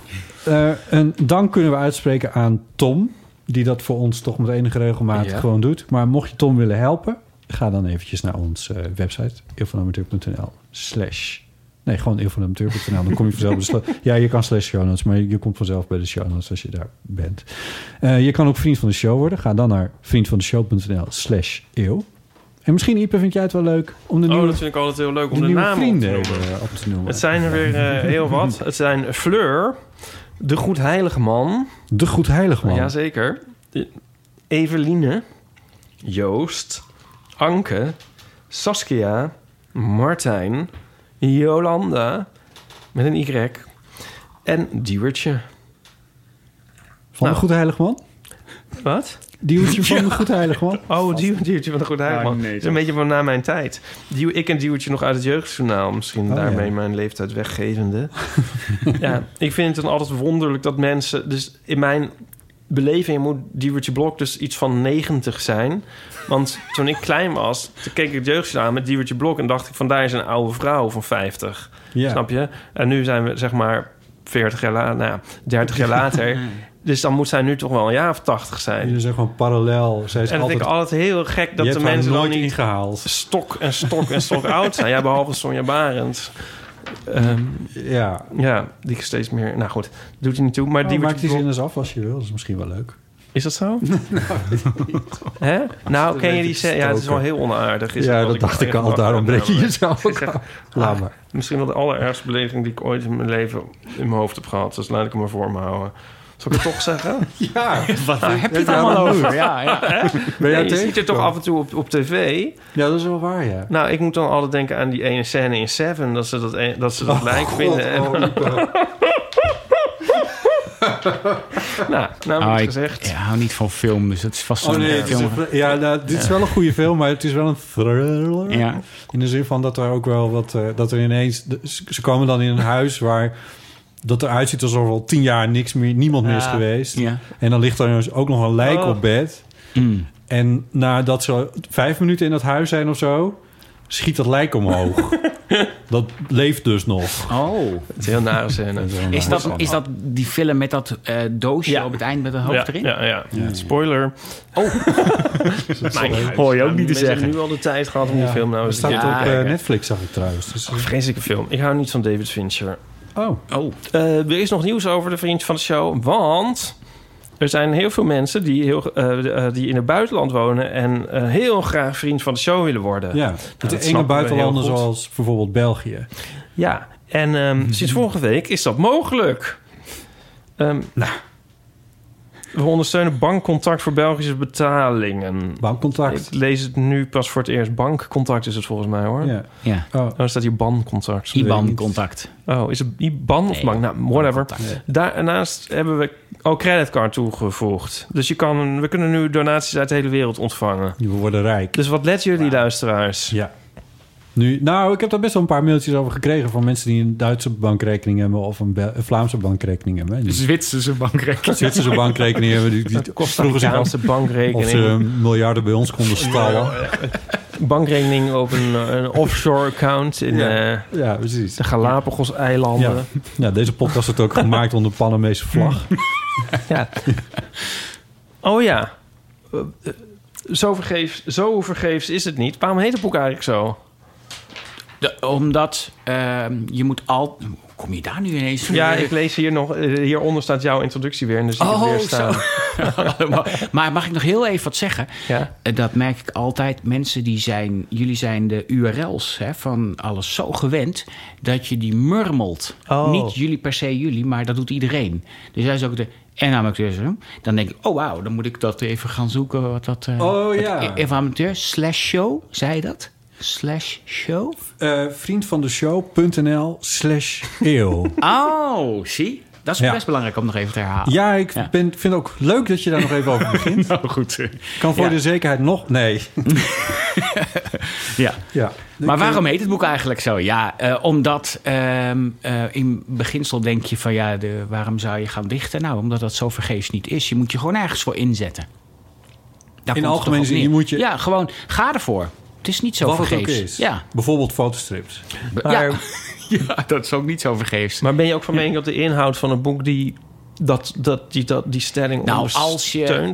Ja, want je hebt een, een paar minuten geleden zelf gezegd... van waarom blijf je nog in dat milieu rondhangen? Dat is daarom. Weet je wel, omdat je nog altijd hoopt van... ja, kom op, maar ik win een keer die wedstrijd. Ik kom een keer in dat blad. Ik kom een keer met een bundeltje. Of ik krijg een keer het succes dat me toekomt. Dus... En dan zou je zeggen, zie je alles wat ik doe zo vergeefs is dat niet. Ja. Vind ik een heel mooie, Had ik zo bedacht. eeuwige boodschap. Wat, eh, wat optimistisch ook. Ja, Mooi, optimistisch. Ja, ja. eh. Ik vind namelijk vergeefs is niet zo'n optimistisch woord. Maar als je het zo uitlegt, is het weer wat positiever. Ja. Dus dat eh, is ook weer poëtisch. Het is niet allemaal voor niets. Het is, het is niet onopgemerkt. Nou, over, eh geest is het niet gesproken. Vertel nou eens eindelijk even weer hoe het dan was bij Radio 1. Kom je daar nou bij? ja, dit gaat alle kanten op. Maar ik vind het wel leuk. Eh, even kijken, hoor. waar kwam het nou ook weer vandaan? Oh ja, ze hadden op Radio 1 vanmiddag de uitreiking van de Philip Bloemendaal-prijs. Jemig. Ik heb 40 jaar gedacht dat die man Philip Bloemendaal heet. Maar eh, dat is Philip Bloemendaal. Dat is die eh, polygoon. eh, Ja, die is zeker ook pas net 45 geworden. Net als Diebertje Blok. Die man is al, eh, is al 21 jaar dood. Oh, die dan wel. Ja. Oké. Maar, eh, Ze zijn wel heel lang getrouwd geweest. ja, nou, dat zou niet, nou, nee, denk ik niet. Eh, eh, en dat is een prijs die wordt uitgereikt aan eh, jong presentatietalent in, eh, van onder de 31 volgens Van mij. onder de rivieren. Ja. Het noorden. Eh, nee, eh, eh, onder de 31. Ehm, en daar hadden ze een soort Wordt zeg maar medie... uitgereikt aan mensen die niet weten wie hij was. Correct. Ja. En ehm, eh, daar hadden ze een heel mediaprogramma omheen. Of in ieder geval, eh, eh, het programma dat heet... S- eh, Stax en Twa... Ja, sorry, ik kan echt die naam niet uitspreken. Ik weet niet wat dat is. Stax en Twa... Het is, je hebt Dionne Stax, de, de oude NOS-presentator. Of tenminste, ja, die werkt voor de NOS. En eh, je hebt Twan... eh, niet Twan Huis, maar Twan, Twan van Peperstraten... eh, voormalig NOS Sport presentator. Ja. Die twee hebben een Avrotros radioprogramma op Radio 1 tussen 2 en 4. En dat programma hebben ze de naam gegeven Stax en Twan. Twan. Dat is toch niet zo moeilijk? Dat is een achternaam en een voornaam. Ja. Ja, ik krijg het, het lukt mij niet. En moet- Dione en Twan, want Twan is ook niet T-W-A-N, maar is T-I-O-N-E. Dus in mijn hoofd werkt dit niet. Anyway, dat is allemaal helemaal niet waarom ik daar... Ik kan het ook in delen vertellen. Dat ik straks vertel waarom ik daar nou eigenlijk wel... Laten we even nu maar hele, de hele gifbeker Ja, leggen. maar dit, dit gaat, dit, ja, dit gaat heel lang duren.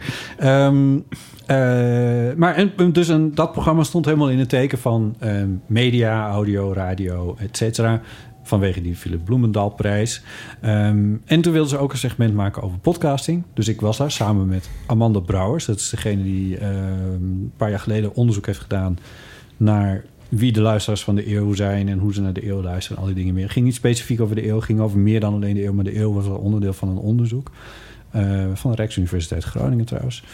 Ehm, en Amanda zat er ook en die vertelde iets over het onderzoek en wat daar dan uit was gekomen en wat, hoe, hoe mensen naar podcast luisteren, wat hun leeftijd is en, eh, en al die dingen. En ik zat daar als maker. Eh, was ik gevraagd door een redacteur om, om als maker daar naartoe te gaan. En dit is Dit is eigenlijk het hele. Dit is uitgezonden, ja. Dit, is het Dit hele was op Radio 1. wat kan nog een grappig detail... Ja, dit was op Radio 1. De grappig detail was dus, dus dat tussen, eh, tussen Twan en mij... Ja. eh, letterlijk een vonk oversprong. Letterlijk. Ja. Hebben jullie niet gedistanced? Hij was... eh, hij gaf mij een, een box. En toen kwam Maar ik dacht, ja, je bent ook een sportman... dus dat, dat zal daar dan wel mee hebben te maken. Maar hij deed echt zo. Dus, dus dat was zo met, met, met twee vuisten zo tegen elkaar. En toen bleek een van ons statisch geladen te zijn... En toen sprong er een vonk over tussen. Dit, dit betekent iets, denk je ook niet? Ja. het is Misschien best een hij knappe man thuis trouwens. ergens te vertellen. Van, ik was vanmiddag, waar was ik nou?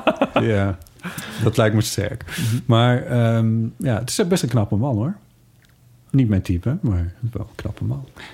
Maar, maar dan, nou, waarom zeg je dat nou? Misschien denk, eh, zit hij dat wel te vertellen. En zegt hij dat er kwam een vonk van hem Nou, vandaan. Ja, Dat hij het hij is, bijzonder niet, vindt. hij is niet mijn type, hoort hij nou.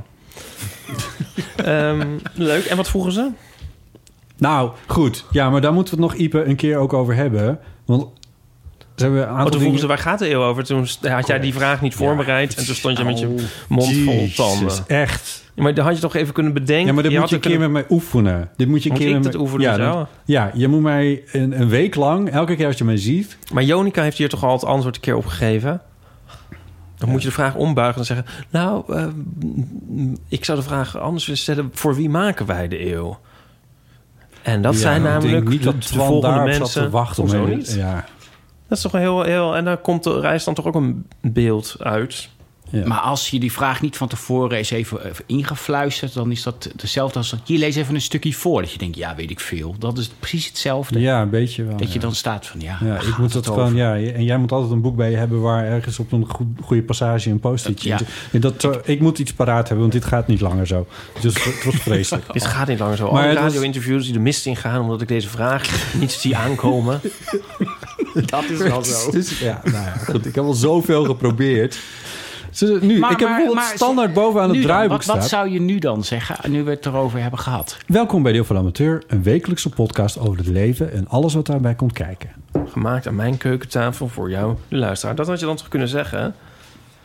Ja, misschien had ik dat moeten zeggen. Over de grote dingen en de kleine dingen. Ik zeg dus altijd, ik zeg altijd de podcast over alles. En dan is er gelijk gelach en het breekt het ijs... en dan is iedereen geïntrigeerd. En dan borduur je daar wat op voort. Twan helemaal onder de indruk. Dionne, die denkt van, jeetje... Deze scène heeft zich zo afgespeeld tot het moment van waar de lach had moeten komen. Maar het gaat ook een beetje om de flair waarmee je dat erin Ik gooit. heb een paar grapjes gemaakt. Echt? Ik heb wel een paar grapjes gemaakt. Kunnen we nog terug? Wat was de leukste grap? Nou, dat heb ik even niet... Ja, jezus. Dat moet je ook even influisteren. Van Ja, dat- Oké, nou ja, we gaan het allemaal... Het komt vast in de show notes. Tom vindt Nou het wel. wat, wat zo grappig vond... Kijk, voor het gesprek voor mij ging bijvoorbeeld... Dat was met eh Aquasi, die een nieuwe omroep begint, Omroep Zwart... met eh, eh, Jan Slachter en met een mediaonderzoeker van de UvA. Dus dat waren zeg maar mensen die zich allemaal op het bestuurlijke niveau van de omroepen bezigden. Dus dat was heel technisch en zo. En toen, dus toen begonnen ze tegenover mij over, over podcasting. Ja, en, en als je dit nou om je heen kijkt... is het dat voor jou niet eigenlijk een beetje een rare omgeving? Toen zei ik, nou ja, ik ben eigenlijk wel gewend om, in, om radio maken en zo. Dat is niet zo. Maar ik zei, is wel één heel erg groot verschil. Dat is namelijk dat alles wat jullie hiervoor hebben behandeld met Jan Slachter, et cetera... eh, daar hebben wij in podcastland eigenlijk nauwelijks iets mee te maken. En dat is wel echt heel fijn. Nou, dat vonden ze ontzettend grappig. Oké. Tot zover. Nee, maar ik snap het wel. Op de locatie is dat heel leuk. Ja, nee, snap ik ook Ja. wel. Weet je wat het een beetje is ook? Dat is bij radio... Tenminste, zo heb ik het wel altijd ervaren. Dingen zijn snel, eh, op televisie ook. Er wordt om veel meer dingen die eigenlijk net een beetje... maar eigenlijk nauwelijks grappig zijn... wordt al heel snel gelachen uit Nou. een soort... Weet je waar dat bij is? Bij muzikanten. Nee, dat toen op Noorderzon, toen jullie op Noorderzon waren. Jullie waren nog niet eens begonnen en zeiden... zeg, zitten we hier allemaal goed? Hele zaal helemaal slap van het lachen. Want stel je toch voor dat jullie verkeerd omzaten of zoiets. Wel, dat maakt natuurlijk helemaal niet uit. Oh, De- ja. die- alles werd toen zo, zo hikkerig, weet je wel. Die mensen zaten helemaal zo... het wordt echt heel leuk. Had je dat zelf niet in de gaten?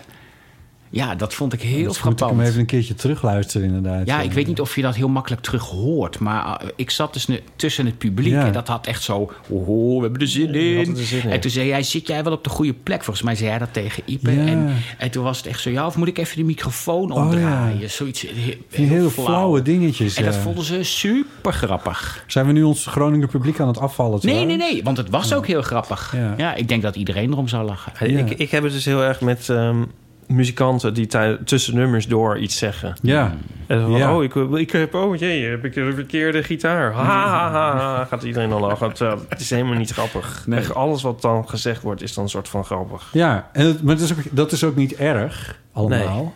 Maar het is wel een beetje dat je denkt van, als je er, als je er eenmaal van bewust bent, dan ga je het heel erg zien. Ja, en dat heb ik bij, bij radio. Ik had het vanmiddag ook een beetje. Het is wel een beetje. Oeh, weet je dat? Weet je wat? Ik denk van nou, dat hebben we de. Je moet eens een keer bij die podcast komen, wat we daar allemaal uit flappen. Dat, ja, dat- dat- alles is een beetje. Nou goed, anyway, je zit er weer naar het draaiboek te Ik kijken. Je naar wil door. Kijk, ik wil door. Ik wil dan naar de rubriek...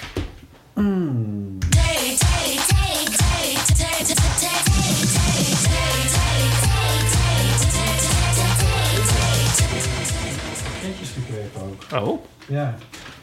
Laten we het volgende week even doen. pakketjes gekregen.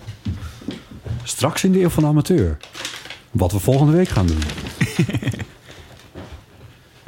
Nou, eh, thee. En de theezakjesvraag van vandaag. Heb, heb je dit allemaal een beetje meegekregen, Stefan, waar dit over gaat? Oké, Ja. ja. Ik mag het niet meer uitleggen, maar ik denk van ja, als je het niet weet, is het wel heel gek. De vraag van vandaag luidt... Welk kledingstuk had je beter niet kunnen kopen? Ehm. Nou, eigenlijk alle, alle t-shirtjes die ik in de afgelopen jaren heb gekocht in maatje S. Of van die spijkerbroeken die wat strak zitten, maar dat je denkt, ja, maar dan na een tijdje gaat het zeg zo lekker. Gaat het dan, zit, dan gaat het erin zitten, weet je Ja, wel. Je ja, ja. hebt die wel. En sommige blijven gewoon Ja. stug. Ja. Ja, en doe je die dan weg? Die, die leg ik op een stapel eh, en dan hoop ik dat het later anders is. Ja. Die komen op een stapel, de stapel... eh, Nieuwe die- broeken. Nou, ja, maar die stapel met broeken die je nooit draagt... totdat je vergeten bent wat ze gekost hebben en dan doe je ze weg. Ja, ja daar moet Zo je sowieso niet meer over nadenken. Ja. Nee, nee. Maar je, je moet toch nooit een broek te, te wijd kopen? Dus dan koop je hem altijd ietsje... Dat was met spijkerbroeken wel Ja, zo. Maar, Ja. maar er zit natuurlijk allemaal van het elastan Ja. in tegenwoordig. Waardoor dat niet meer... Je hoeft ze niet meer te vormen. Nee, nee, vormen. Ja, ik wil Ja. altijd wel graag mijn broeken vormen. In, dat in, vind ik wel- indragen. Ja, Ja, dat was echt een ding. Ja. indragen. Sterker nog, ik kan me nog herinneren dat... Maar dat is echt... eh, ik heb, dat heb ik niet zelf meegemaakt, maar ik ken die verhalen. Dat mensen spijkerbroeken kochten en dat ze er dan dat ze die aantrokken en ermee in bad in gingen. bad gingen, ja, ja. Dat was even een ding, ja. Ja, Ja, ik weet niet dat- dat was. Dat was in een heel stoere spijkerbroek. In mijn nieuwe huis zit een bad. kan, ik, kan ik ook in mijn een rare humble brag die je ineens- Ik moet gewoon denken aan dat. Daar verheug ik mij op. om met je spijkerbroek in je bad. Nou ja, dat is in ieder geval een mogelijkheid. Maar er was vroeger ook zo'n reclame van, eh eh, eh, Ja, van Levi's. Levi's. volgens mij. Ja. Die kleden Ja. zich gewoon zo uit, maar behalve zijn broek. Ja, en daarmee ging die in bad. En daarmee ging hij in Ja. bad. En dan zat hij goed. Ja, dat was ik het heb dat nooit begrepen hoe dat werkt. En dan reed hij op zijn paard weg, toch? Of Dat op weet ik zijn niet. fiets. Dat weet ik niet. Vast een paard. Ja. Maar ja. ja, soms doe ik wel zo'n broek in de was... omdat dat hij weer iets strakker wordt en weer iets beter Ja. zit. Maar dat kan maar één keer, dat blijft niet doorgaan. Jawel. Nee, toch? En truien ook. Ja. Truien. Dan zijn ze een beetje zo enigszins lubberig... en dan was je ze en dan zijn ze weer ietsje strakker. Ja. Kan het maar één keer? Nee, kan heel vaak. Ik zit te denken of ik een grap kan maken. Ik ga het gewoon proberen. Oh nee, Jij- doe maar niet. Je moet je kleren natuurlijk ook iets vaker wassen... aangezien jij jezelf nooit was. Oh, ja, ik wou eigenlijk net gaan zeggen, maar ik was mijn kleren dus ook heel weinig. ja, dat is gewoon zo. Ik heb broeken en truien was ik nagenoeg nooit. Oh, maar ik heb laatst Nee, ik ook sokken gekocht. En het waren hele lange skisokken. En toen dacht ik, oh, dat is lekker warm. Ja. Weet je wel? Want die gaan tot net onder je knie. Ja, En eh, ze waren van merino wol. Nou, een dat en al top. kwaliteit. Zeker. Topspul. Ja. Nou, dus ik deed die dingen aan thuis. Warm, jongen. Dus dat zal ik ook nooit aandoen. En die kun je ook niet leuk omslaan. Want dan heb je zo'n bobbel bij je Ja. enkel of Oh, zoiets. ja. Dus ja, ik weet niet wat ik ermee moet, eigenlijk. wachten tot het echt onder nul wordt. Ja, maar het zit ook een beetje zo strak. Het voelt een beetje als steunkousen. Tenminste, ik neem aan dat steunkousen zo voelen. Zo voelt het dan, zoals ik het Ja, aanneem. ik snap het. Denk. Ik ehm, zal deze vraag ook nog even beantwoorden. Ja. Ik heb dus, mijn ervaring is dat ik altijd één kledingstuk te veel koop als ik kleding koop. Want ik kom er dan in. Eerst wil ik niks. In het kledingkoop? Ja, en dan heb ik iets gekocht. En dan denk En eigenlijk is het altijd... eh, het is altijd één te veel. Als ik één ding koop, dan had ik dat niet moeten kopen. Zeg maar, als ik er twee dingen koop, dan is er één leuk en de ander niet. En als ik, als ik tien dingen koop, zeg maar, dan heb ik negen goede dingen. Maar dan is het ene ding... Er is altijd één ding bij dat ik dan net niet had moeten doen. Ga ik even de Jonica uithangen. Maar Ja. je kan beter één keer per jaar al je kleren kopen. Dat, ja. je meteen, dat je meteen 50 kledingstukken koopt. Ik weet niet hoeveel koop je in een jaar. Niet 50, maar in ieder geval. Je koopt al je kleding zoveel mogelijk tegelijkertijd. ja. Dan heb je procentueel gezien... moet je minder terugbrengen. ja. En heb je lekker je hele jaar door winterkleding. Ja, precies. Ja, maar zo, zo kan je dit ondervangen. Dat is zeker waar. Maar ik vind het soms ook wel gezellig om Nou, dat kleding te kopen. En Jouw wetmatigheden... eh, Ja, maar heb je dit, op te ken, eh, kennen jullie dit niet? Dat je dan thuis komt en denkt van... ja, waarom heb ik dan dat ene genomen? Ik wist al dat ik het niet maar moest doen. ja, dan heb je het bonnetje en dan breng je het terug. Ik bedoel, het is niet dat je, dat je een, een, een, een, een Het is ook niet het eind van de wereld. Maar Ik heb dat ook wel met muziek. Als je muziek hebt Ja. gekocht en veel, dan heb je de eentje die draait de hele tijd en die andere, ah, die liggen gewoon Ja. er een beetje. En sommige gaan echt de kast in. Dat je daarna van denkt, wat is dit nou weer? Heb ik dat Boeken. ooit gekocht? Ja, Ja. Ja, met boeken ook wel. ja. Ehm, ja, en ik laat ze dan heel lang in de kast liggen tot ik ze... Ik bedoel, dan doe... Je brengt ik- ze niet terug. Je ik weet wacht al, vijf jaar voor ik ze weggooi. Als of jij- in, in zo'n zak gooi. als jij Ah. met, met, met vijf kledingstukken thuis bent gekomen... omdat je nou eenmaal in die shopping spree terecht was gekomen... Ja, maar dit En je is dan weet ben ik in eh, dan ben ik in Milaan Ja. botten en dan ben ik thuis hè, twee dagen later en dan zie ik van nee, dit was een miskoop. Zo gaat dat. Ja. Ja, Ja. Maar ik, mijn nieuwe ding is om, om ehm, kleding te vragen, want ik heb dus deze te vragen. ja deze geniale trui heb ik van Sinterklaas gekregen. Nou, dat is de oplossing. Ik ga gewoon nooit meer kleding kopen. Ik zeg gewoon tegen Nico van... Goh, ik wil een nieuw, ik wil een nieuw t-shirt. Dan zie ik wel wat het wordt.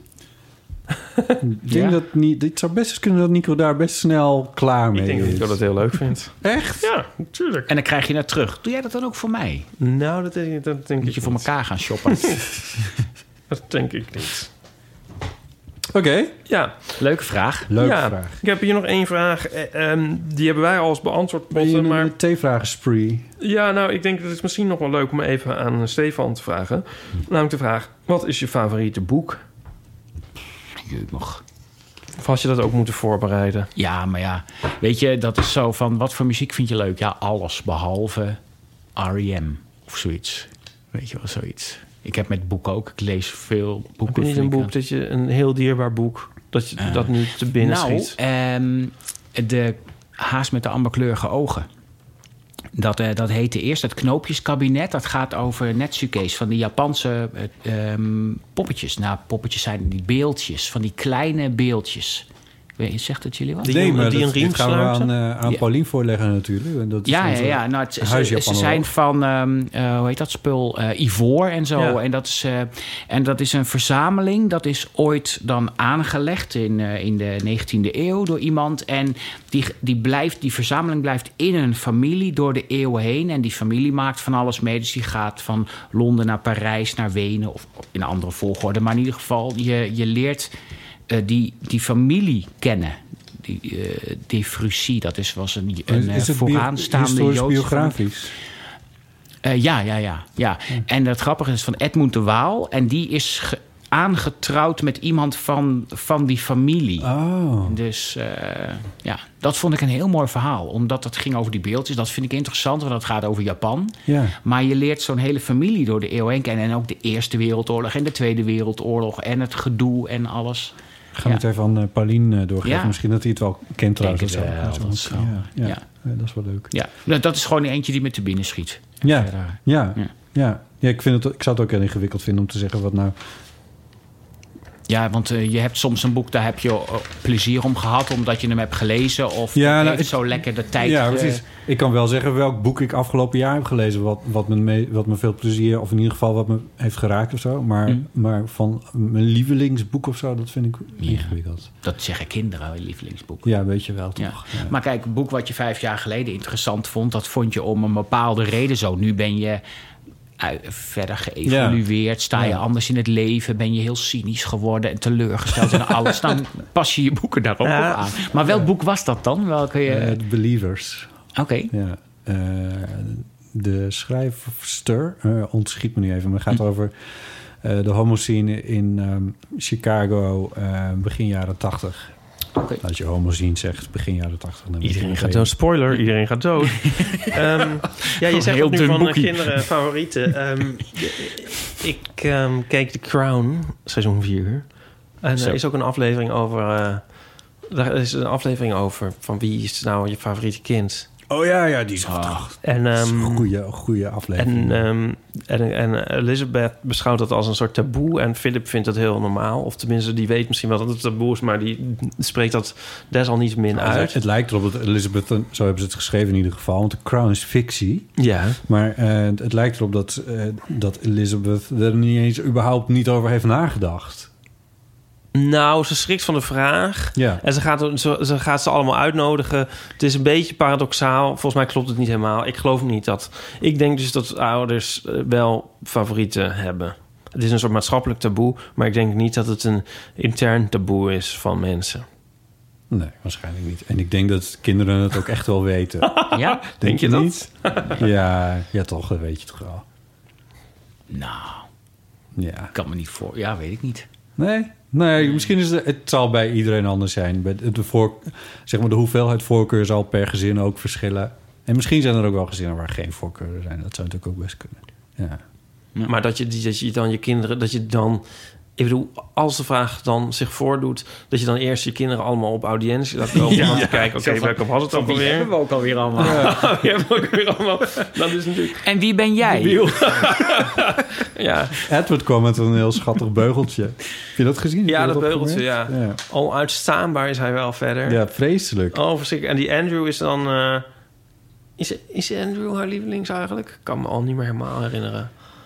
Nee. Ik denk het ik wel denk dat. Charles haar lieveling Nou, volgens mij niet. is. Die doet toch ook de Biel? Volgens Ja, mij is het Andrew, want die komt met die helikopter aan en vergeven ze hem allemaal. En ik dacht er nog aan, omdat Andrew nu zo in de shit zit en hem natuurlijk toch wel eindeloos de hand boven het hoofd wordt gehouden. Ik zat, vroeg me af of het een soort, Verwijzingen ze naar nu. ja, Ja.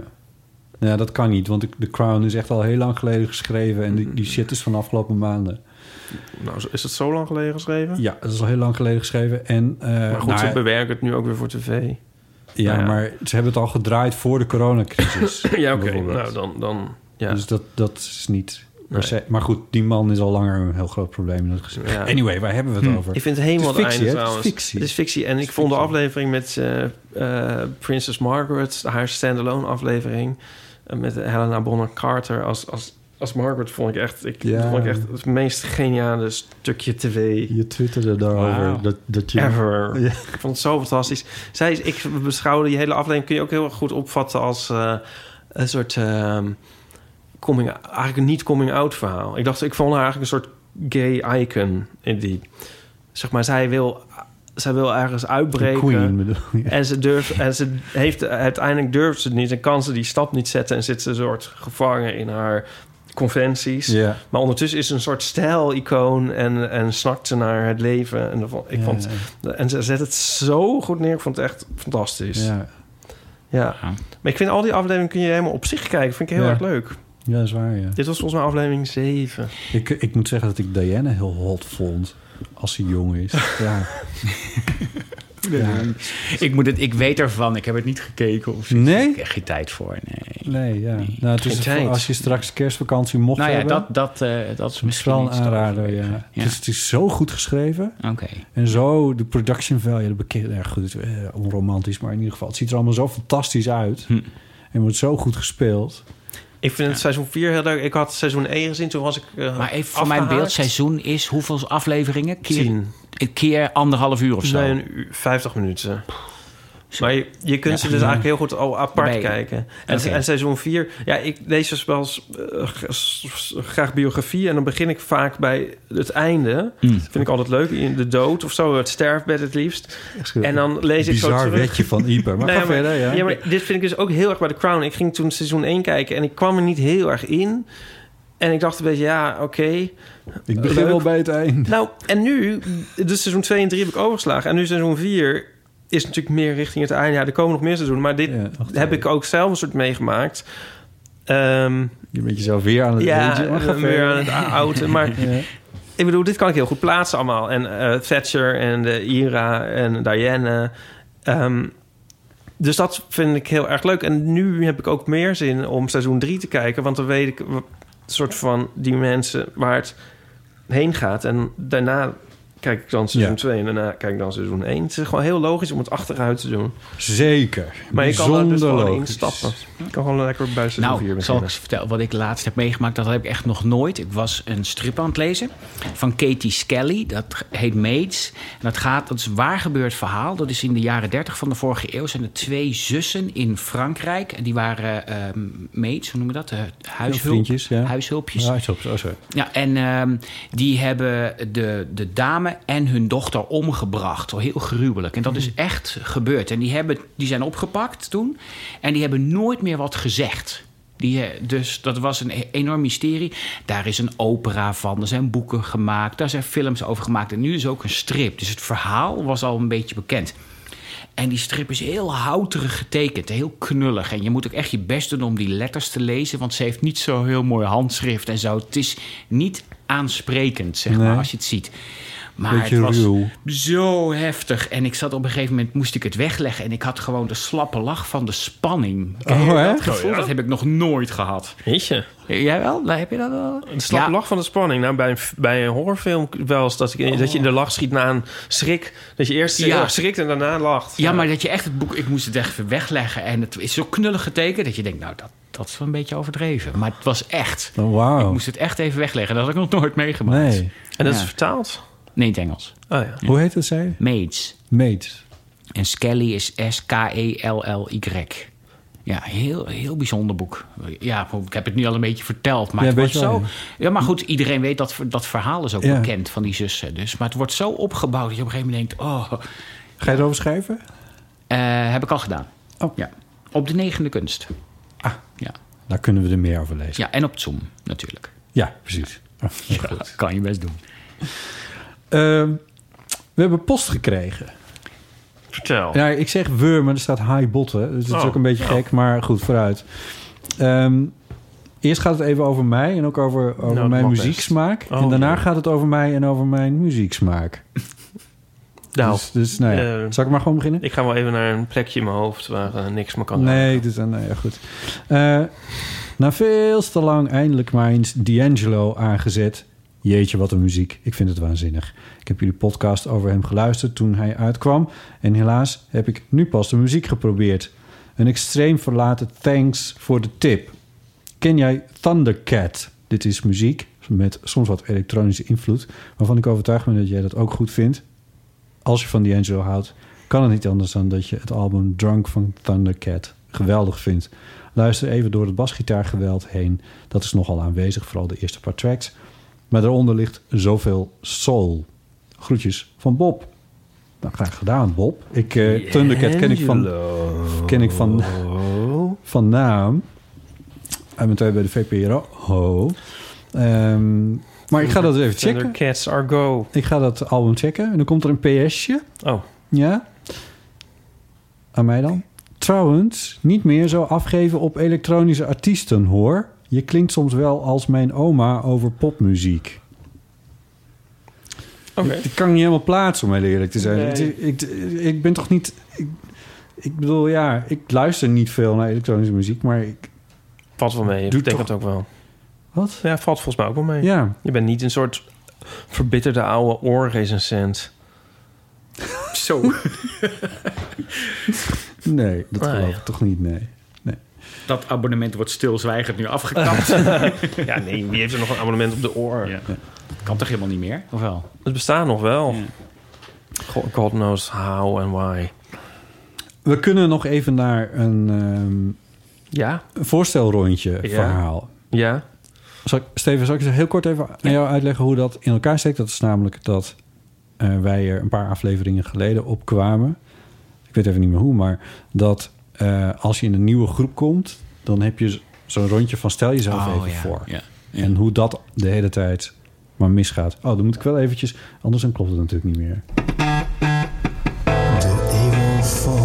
Deze 06 1990 Valt dit 68 71. Ehm, Er is wel heel veel bas aan het begin. Heel eh, elektronisch vond ik het ook. ja. ja. Ja, Ja, ja, dat- is dit- het geluid van een telefoon die trilt op je bureau. Oh ja, ja. Ja. ja, ja, ja. Ja. Het klinkt als een toon.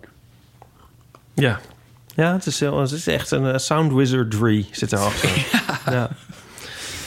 Anywaytjes. ja, ja. Voorstelrondjes. Het, het berichtje is eh, wel een beetje lang, namelijk drie minuten. Oh, maar het is een wel weer, dat ga jij leuk vinden, ingesproken die, door iemand die Ime heet. Ja, met een Y. Met een Y, waardoor ik het niet als op zijn Fries kan uitspreken, want dan zou het met IE zijn en dan is het Ime. Maar, ehm, maar Ime. Laat maar eens even horen. Het was een eh is cursus een man. vanuit mijn werk. Met een mannetje of twintig. eh, groot bedrijf, hè, dus je kende niet iedereen. En eh, de cursusleider die had, er, had er echt zin in. En die eh, dacht impactvol te beginnen. En die zei, nou, voorstelrondje, zeg je naam, de afdeling waar je werkt. En vertel een gebeurtenis in je leven die jou het meeste heeft gevormd. Nou, op dat moment zakte natuurlijk mijn, mijn, mijn broek af. Hè, want daar ging weer zo'n cursusleider die eigenlijk liever psycholoog was geworden. Hè, die stelde weer zo'n vraag waarbij je eigenlijk al wist wat er natuurlijk ging gebeuren. Dat er, hè, dat er mensen nou, natuurlijk verdrietig worden en gaan huilen. En nou, weet je, dat, ja. En om zo'n cursus te beginnen, niet erg dat het gebeurt, maar ja. Nou, je begrijpt wat ik eh, bedoel. Dus ik, ik had voor mezelf bedacht, nou, ik, ja, wat heb ik dan in mijn leven? Eh, mijn beide ouders leefden toen nog. En eh, nou, ik, weet je, het ergste wat me gebeurd was, was dat misschien een van de katten ooit was overleden.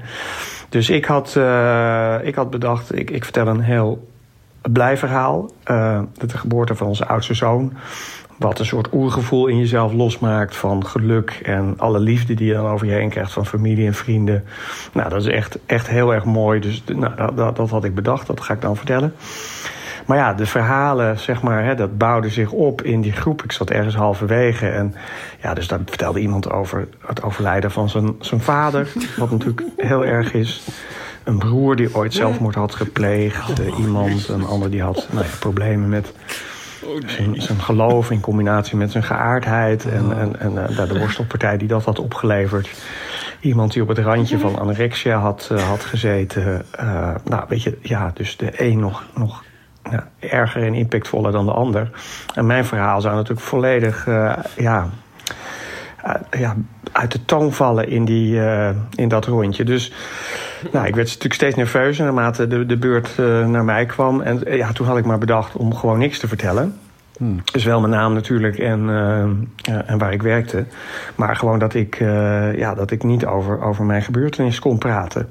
Nou, dat was die cursusleider, eh, pakte dat in eerste instantie nog heel goed op. Hè? Dus die, die, die waardeerde het feit hè, dat, ik dat, dat, dat je dat durft. Hè? Dus dat je, eh, nou ja, en, en het leiderschap en het, eh, niet overal over hoeft over gesproken te worden. En de tijd moet ook rijp zijn om dat te doen. En eh, nou, dus ik, daar kwam ik even goed weg. Hè? Dus dat, de, de, de beurt ging door. Maar vervolgens had ik ja, uiteindelijk heel veel last van die cursusleider... die de rest van die cursus natuurlijk probeerde om mij eh, op ieder moment van de dag... inclusief de lunch en, eh, en, en de bar te ontfutselen... wat, eh, wat dat nou precies was, wat, mij, hè, wat mij zo heeft, heeft gevormd. Dus daar had ik uiteindelijk ja, nog veel meer last van... dan dat ik gewoon op dat moment misschien...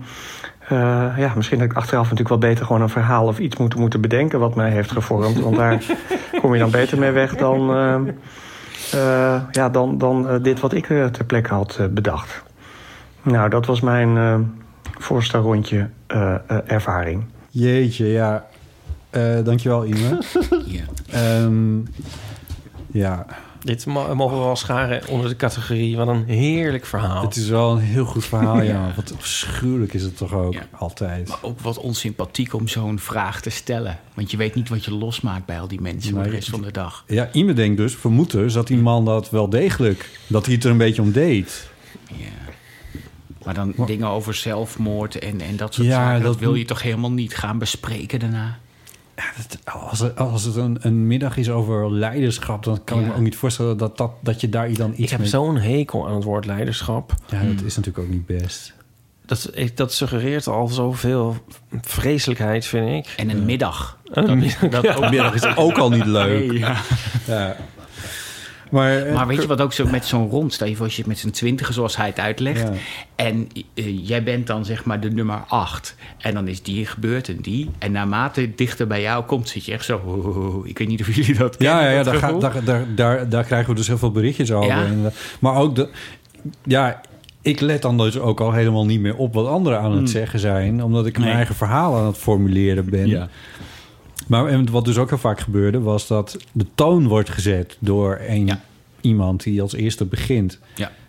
En het maakt nogal wat uit als je je voorstelt... en je begint over je kat... of je begint over, eh, over hoe je hebt geworsteld met je geaardheid... eh, in een religieuze omgeving. Dat Ja. maakt wel veel uit. Je pakt je boek. Nou, wat je nu zegt, dat er zit op het eind van het boek gaat het dan even over. Tenminste, als ik dat mag doen, hè? Tuurlijk. Ehm, even kijken hoor. Eh, dat gaat over één personage. Ik zal dan de naam van het persoon niet noemen, maar wel wat er is overkomen. En dat, wat jij net zegt van de toon wordt gezet Ja, door de ja, eerste. En dat is dan die en die, noem ik hem even, is vorig jaar overleden. Het was heel plotseling. Hij was niet ziek of zwak. Op zijn begrafenis mochten de aanwezigen allemaal wat voordragen. Een eigen gedicht of iets van Harry. Oh nee, hij heette dus Harry. ja. Eh, iedereen had de moeite genomen om iets van zichzelf uit te zoeken. Het duurde al met al bijna vier uur, omdat de eerste begon met een paar anekdotes en de rest niet wilde achterblijven. De mensen van Minuta hebben halverwege de broodjes in de aangrenzende zaal klaargezet en zijn naar huis gegaan. Later heeft Leon nog gebeld met het alarmnummer, omdat we de lichten niet uitkregen en de deur niet in het slot viel. Mij, mij deed het- dat, Ja, mij dat. deed het denken aan dat we bij ons van een begrafenis een soort eruit gegooid zijn ook. Van, ja, niet van misdragen, maar dat het zeg maar de volgende stonden Oh, ja. en het niet, eh Niet duurde te wachten. lang. Ja. Het werd te gezellig. Ja, dan werd je, werd, werden we met z'n allen uitgeveegd. Heel vreemde... Ja. Ik wist niet dat dat bestond eigenlijk. En dat je was- hebt dan ook op de vloer heb je zo rails hè, waar die dingen worden weggereden. Dan komt gewoon de volgende. Die wordt gewoon erin gereden. Want dat gaat op een rail. Oh, Ja, dat, had- want ik heb eens gekeken, want je zit daar toch maar. je hebt het over de kist. Ja, die komt binnen op een rail. Want als het, als het in een crematorium is, gaat die uiteindelijk door een deurtje naar achter. Ja. Maar ja, die, moet natuurlijk, die rail komt ergens vandaan. Dus Ja. daar staat de volgende alweer. Ja, dus ik, een hele- dat, dat zal niet gebeuren Een hele natuurlijk. maar rij met lijken. zo van, u moet nu gaan. Hup, dat ding gaat gewoon rijden. En hup, dan komt de volgende kist alweer aan. Maar dat Maar is heel hoog van de barkrukken op tafel en eh, alvast eh, alles aanvegen. Het is, Nou eh, ja. ja. maar waarschijnlijk komt dit best wel vaak voor. Denk je ook niet? Ja, het is, wij hadden het maar één keer eh, ja, nee, op deze ja, manier. maar, ja. Ja, Hm. ja, goed. Ik heb het gelukkig nog niet vaak meegemaakt. Maar ja. Wij waren ook een keer op een begrafenis en toen dachten we van, er komen zo de speeches. En toen kwam het helemaal niet. En toen was het al klaar. Dat was weer het an- Zo, Oh, tegenovergestelde niks te vertellen. Maar goed. Ja. ja. Nou, Ehm, ja. maar de toon werd gezet. Daar ging het over. Ja, Ja. ja. wij zijn dol op dit soort voorstelrondjes verhalen. Dus als mensen Ja. nog meer willen inbellen, eh by all means. Ja. Ehm, Heb ook mensen nog gezegd van wat zij allemaal gestolen hebben? Want daar hadden we ook om gevraagd. Nee, heb ik nog niet binnengekregen. Oh. Nee. Eh, nog wel wat eh, berichten over... Heb jij wel eens iets gestolen? Nou, weet je, ik, uh, uh, omdat ik het natuurlijk even had uh, geluisterd. Ik vind dat nogal wat om dat allemaal maar zo te gaan zitten vertellen of zo. Ja, Ja, ja, het kan toch ook verjaard zijn?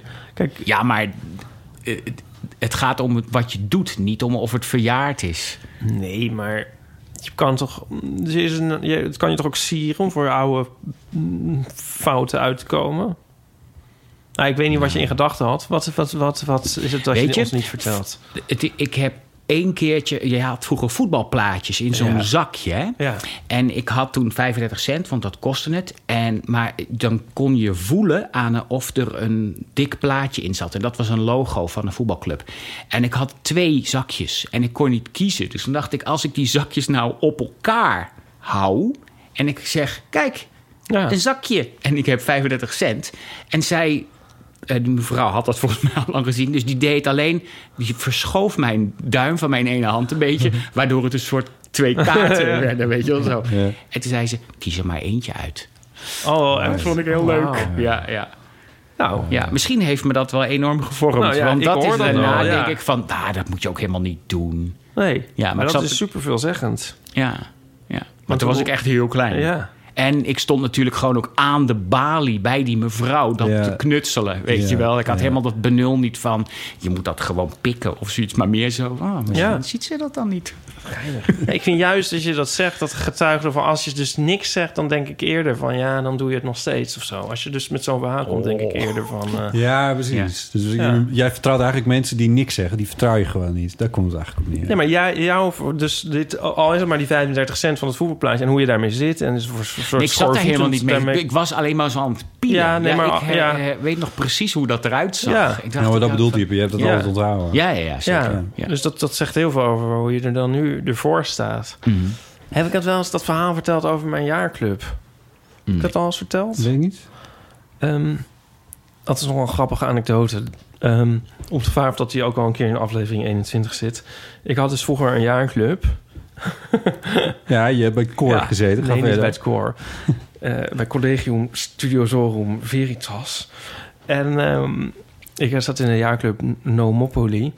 En eh, we hadden dan eh, eens per jaar, of eh, twee keer per jaar, denk ik, een jaarclub weekend. En ehm één keer zijn we op naar zo'n zo'n soort biercamping.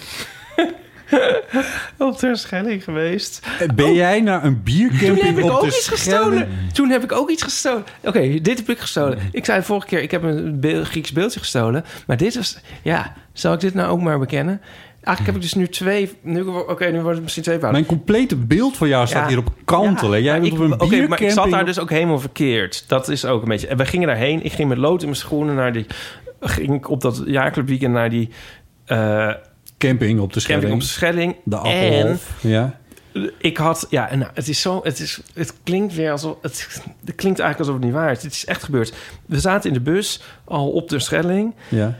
en ik besefte dat ik geen slaapzak mee had genomen.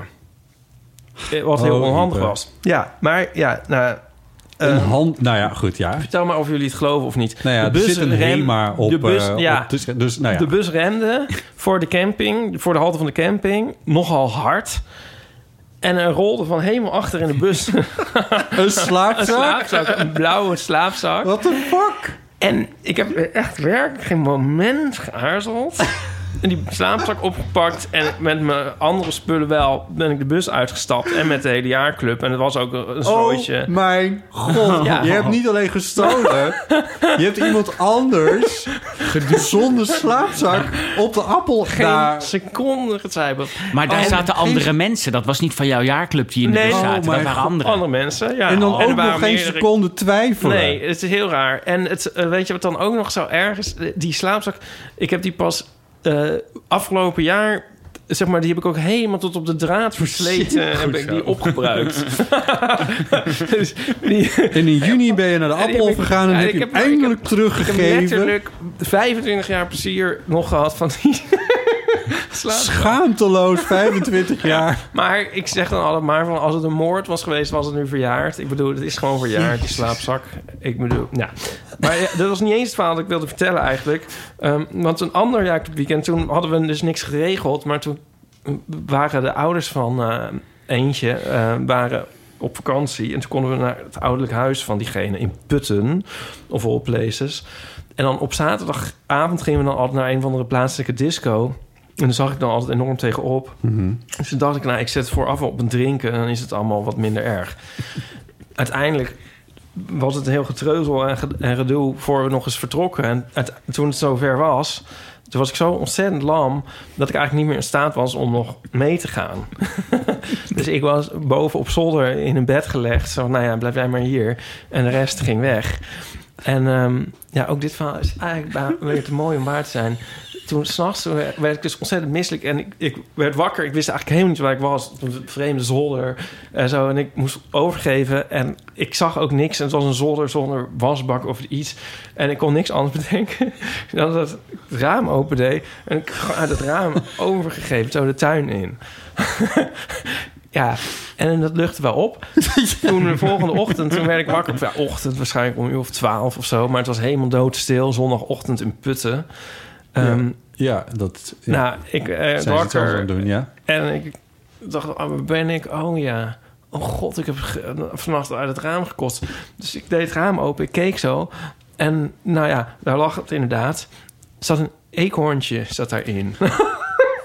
zat het zo, zat het zo op te eten. Zo met zo'n... Oh. Het is natuurlijk heel voedzaam. Maar ook dit is nog niet het verhaal. Toen ging ik naar beneden.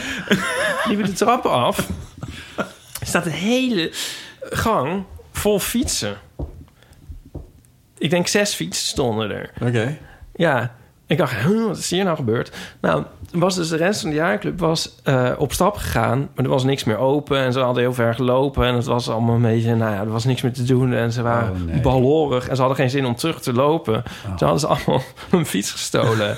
maar toen waren ze thuisgekomen en toen zei die jongen van, wie het, wiens huis het huis was, van ja, we kunnen niet die fiets hier in de tuin gaan zetten, want dat zien ze.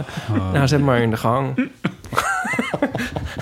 stonden er zes gestolen fietsen. En dan hebben ze de hele zondag... zijn ze één voor één met soort tussenposes van een uur... zijn ze dan soort naar willekeurig andere, andere windrichtingen uitgefietst... om die fiets dan maar weer ergens soort neer te zetten. Van nou ja, dan zijn we er weer vanaf. Ja. In dit verhaal ga ik dus wel vrij uit, wil ik eventjes stellen. Ja. Dat was van Leuk, hè? Veritas. Ja, Veritas. Ik heb een keer opgetreden bij Veritas. Oh ja? Ja, heel grappig. Ja. Oh. Nou, dat was helemaal... Ja, het was wel grappig, maar dat was net na 9-11. Weet je wel? En dat was Ja. volgens mij twee dagen daarna of zoiets. Oh jeetje. En toen eh, eh, was ik daar. Ik deed zo, zeg maar, zo'n voorleescabaret. Sa dat was samen met Arjen. Toen Arjen Lubach. Lubach, oké. ja, ja. Dat was mijn buur, buurjongen.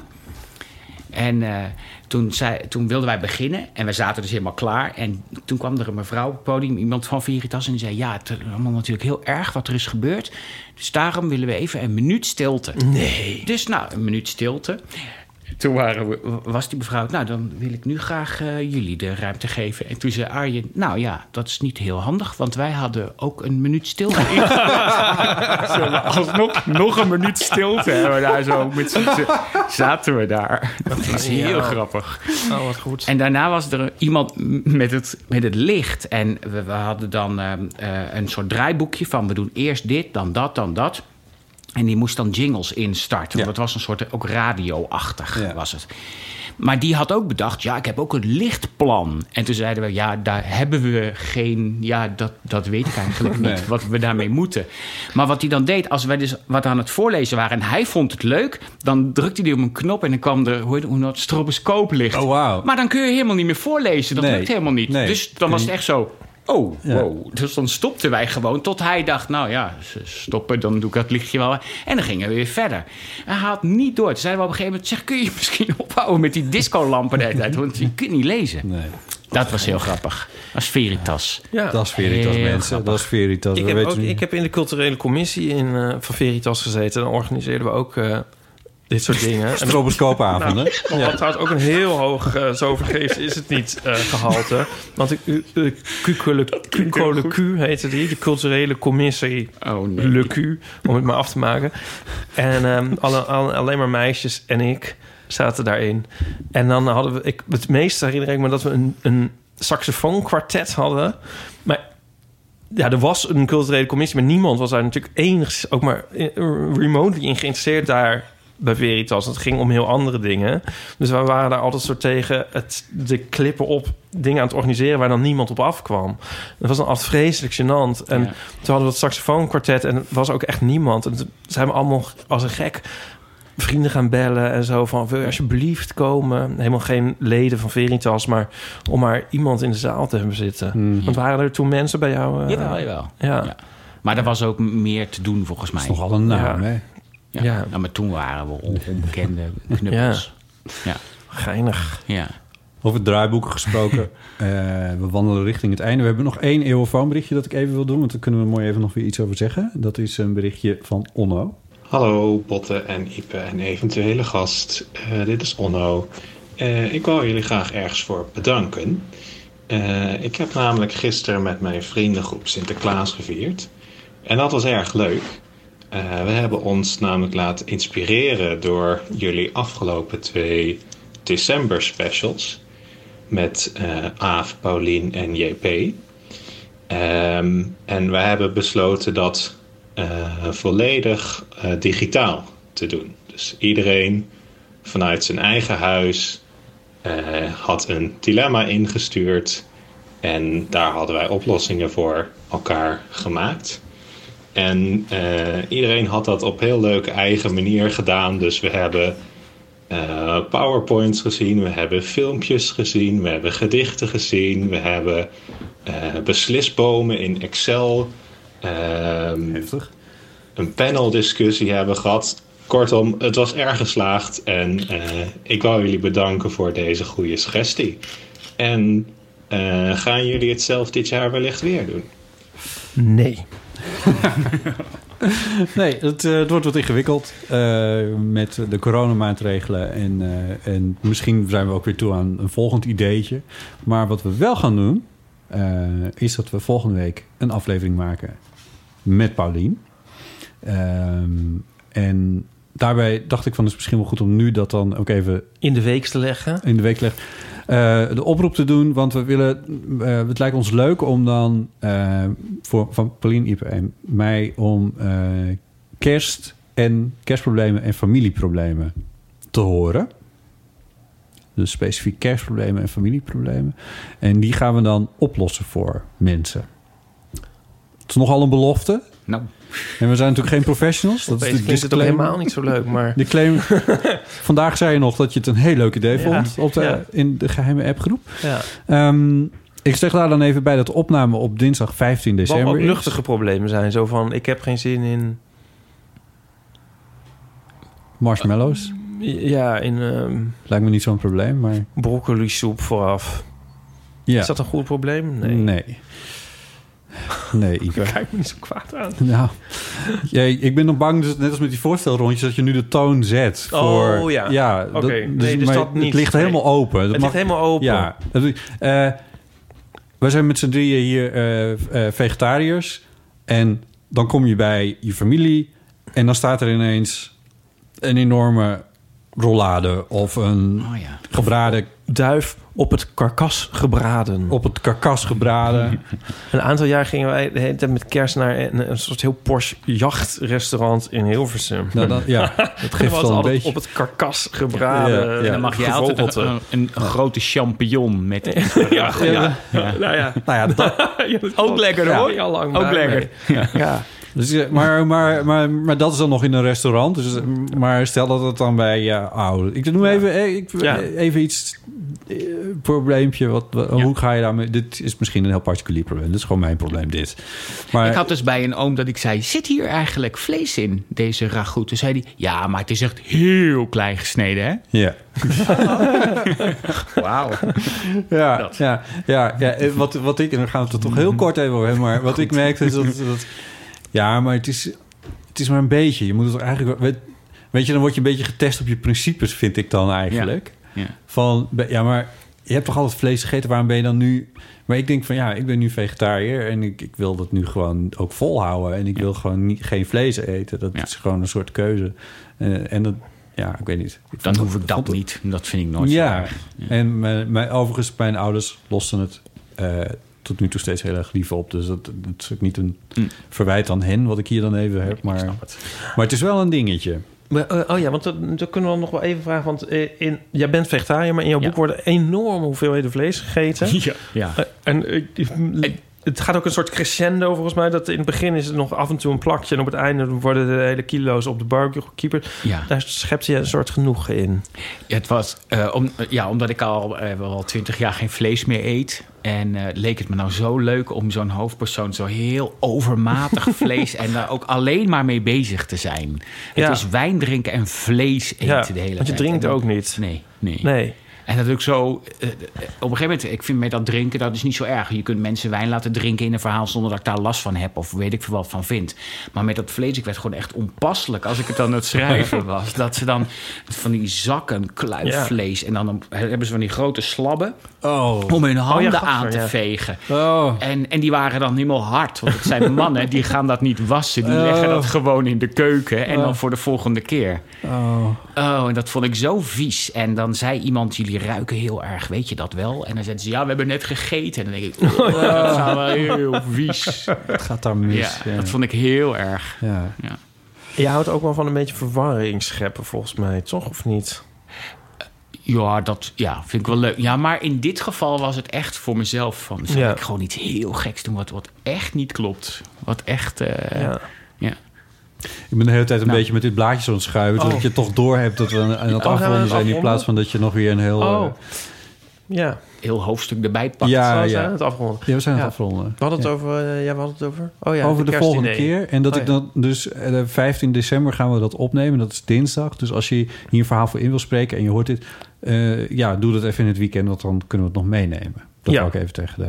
Ik vond Ja, het verhaal van net over de, de eh, Sinterklaasavond vond ik heel leuk klinken. Ja, nou ja, dat is iets anders wat je kan doen. Je kan natuurlijk, mocht je het nog niet gehoord hebben, we hebben in eind 2018 en eind, eind 2019 hebben wij een aflevering, eh, dus twee afleveringen gemaakt eh, met JP en Aaf en Paulien en Ipe en ik. Hmm. Eh, en die kun je natuurlijk gewoon ook terugluisteren. Ja, ja. Mocht, je dat Ja. nog niet hebben gehoord, dan is het ook wel een, wel een aanbeveling. Ze zijn tijdloos. Ze zijn gewoon tijdloos. Hey, maar gaat iedereen dan wel naar kerst? Nee, dat mag namelijk niet van Nee, eh, dus- de minister-president. Dus dat zit, daar zit ik ook nog een beetje mee. Maar goed. Waar- In welk opzicht? Oh, Nou, dat is ook een familie. Zijn er dus wel problemen? Ik bedoel, jij, ik bedoel, jij hebt het probleem misschien... Nou ja, dat, je ouders gaan Nee, dit probleem om, gaat maar- dit jaar niet voorkomen. Maar jij- wat, is, wat ga je eigenlijk doen met kerst? Of gaan we het daar volgende keer over hebben? eh, ja, laten we dat voor. Ik heb daar geen. Dat moet ik even opzoeken. Moet ik even opzoeken. Moet ik even in mijn agenda kijken. Eh, Nee, maar het was vandaag wel zo met van die Brabantse mensen die zeggen: Ja, we hebben een heel grote familie. Dan Ja. kan je toch niet zeggen jij wel en jij niet. Dus ja, eh, pech. Ja. Dan gaan we het gewoon maar doen. Ja. Ja. En we letten heel goed op. Nou ja, je wordt, achten. je wordt Ja. natuurlijk... Het, is een, het, is, het is niet een verbod. Hè? Nee. Dus dat is dan ook nog een keer zo. Daarmee wil ik niet zeggen dat je het moet doen. Sterker nog, alsjeblieft niet. Maar eh, het is niet een verbod. Maar... Ja. Oh, dat vaccin. Zet er een spuit in, mensen. Alsjeblieft, zo snel mogelijk. Ehm, goed, dat over, ehm, eh, dat over de, de volgende keer. En dat is dan een beetje dus, om een antwoord te geven aan Onno... dat wordt onze december aflevering. Met samen. Dus dat is wordt vast leuk. Zeker. Die andere dilemma's en levenskwesties en verhalen zijn natuurlijk ook altijd nog gewoon welkom op de eeuwofoon. Maar dit verhaal, we vinden het eigenlijk, je mag mailen, maar het leukste is als je het inspreekt. Dat, eh, dat hebben we eigenlijk het liefst. En dat kan op het telefoonnummer 06 1990, 68. 71. En je kan mailen naar botten.eeuwvanamateur.nl of naar ipe.eeuwvanamateur.nl als je het leuk vindt. Ja, je kan selfies appen naar de emofoon. Je kan iets appen naar de eeuwfoon. Eh, er zit namelijk WhatsApp op tegenwoordig. We zitten op Instagram, heten we Eeuw van de Amateur. En dat is natuurlijk onze website, eeuwvanamateur.nl. eeuwvandeamateur.nl. We zitten op Twitter. We zitten op Twitter, daar heten we Eeuw VD Amateur. Zo. Ja. Vond je deze aflevering leuk? Deel hem dan. Met vrienden, familie of collega's. Doe je- Rendieren. Doe je dat wel eens. Ipe? Ik? Ja. Met kerst altijd. Volgens mij wel. Ik heb volgens mij laatst nog eh, die ene aflevering nog eh ergens Die ene heb je nog... eh, Nou, weet je wat ik wel eens denk van wa- waar moet ik hem dan delen? Want ik denk iedereen die mij volgt op Twitter en jou, ik bedoel, het is toch allemaal hetzelfde. Al je collega's. Al je, Collega's? al je stripcollega's. Oh nee. Nee, Oh. nee die zoek het maar uit. Goed. Die zitten wel de hele dag natuurlijk op hun zolderkamertje te tekenen. Dus die kunnen dat wel gebruiken, zo wat, wat gezelschap. Dat is wel waar, ja. Jean-Marc die luistert de eeuw schijnbaar. Of in ieder geval vorige zomer nog We wel. worden beluisterd in de hoogste regionen. Dat is gewoon een feit. Duidelijk. Stefan, Ja, dankjewel dat je er was. ik vond het ook heel leuk dat ik er Ontzettend was. gaaf. En eh, je boek heet Zo vergeefs is het niet. Ja. Eh, dus die kun je natuurlijk gewoon vinden in de betere boekhandel. Ja. Ga vooral naar je lokale boekhandel, zeggen we er dan maar eventjes Ja, vind ik ook het leukst. Heel fijn dat je er was. Wat, eh, was heel erg fijn. En misschien eh, zien we elkaar weer eens een keertje op Noorderzon. Ja, leuk. Als het weer is, we houden de vingers gekruist. Ja, nou, Ja. dat moet toch wel lukken. Ja. ja denk het wel. Ipe, dankjewel. Ja, jij ook. Graag gedaan. En eh, bedankt voor het luisteren. Tot de volgende keer.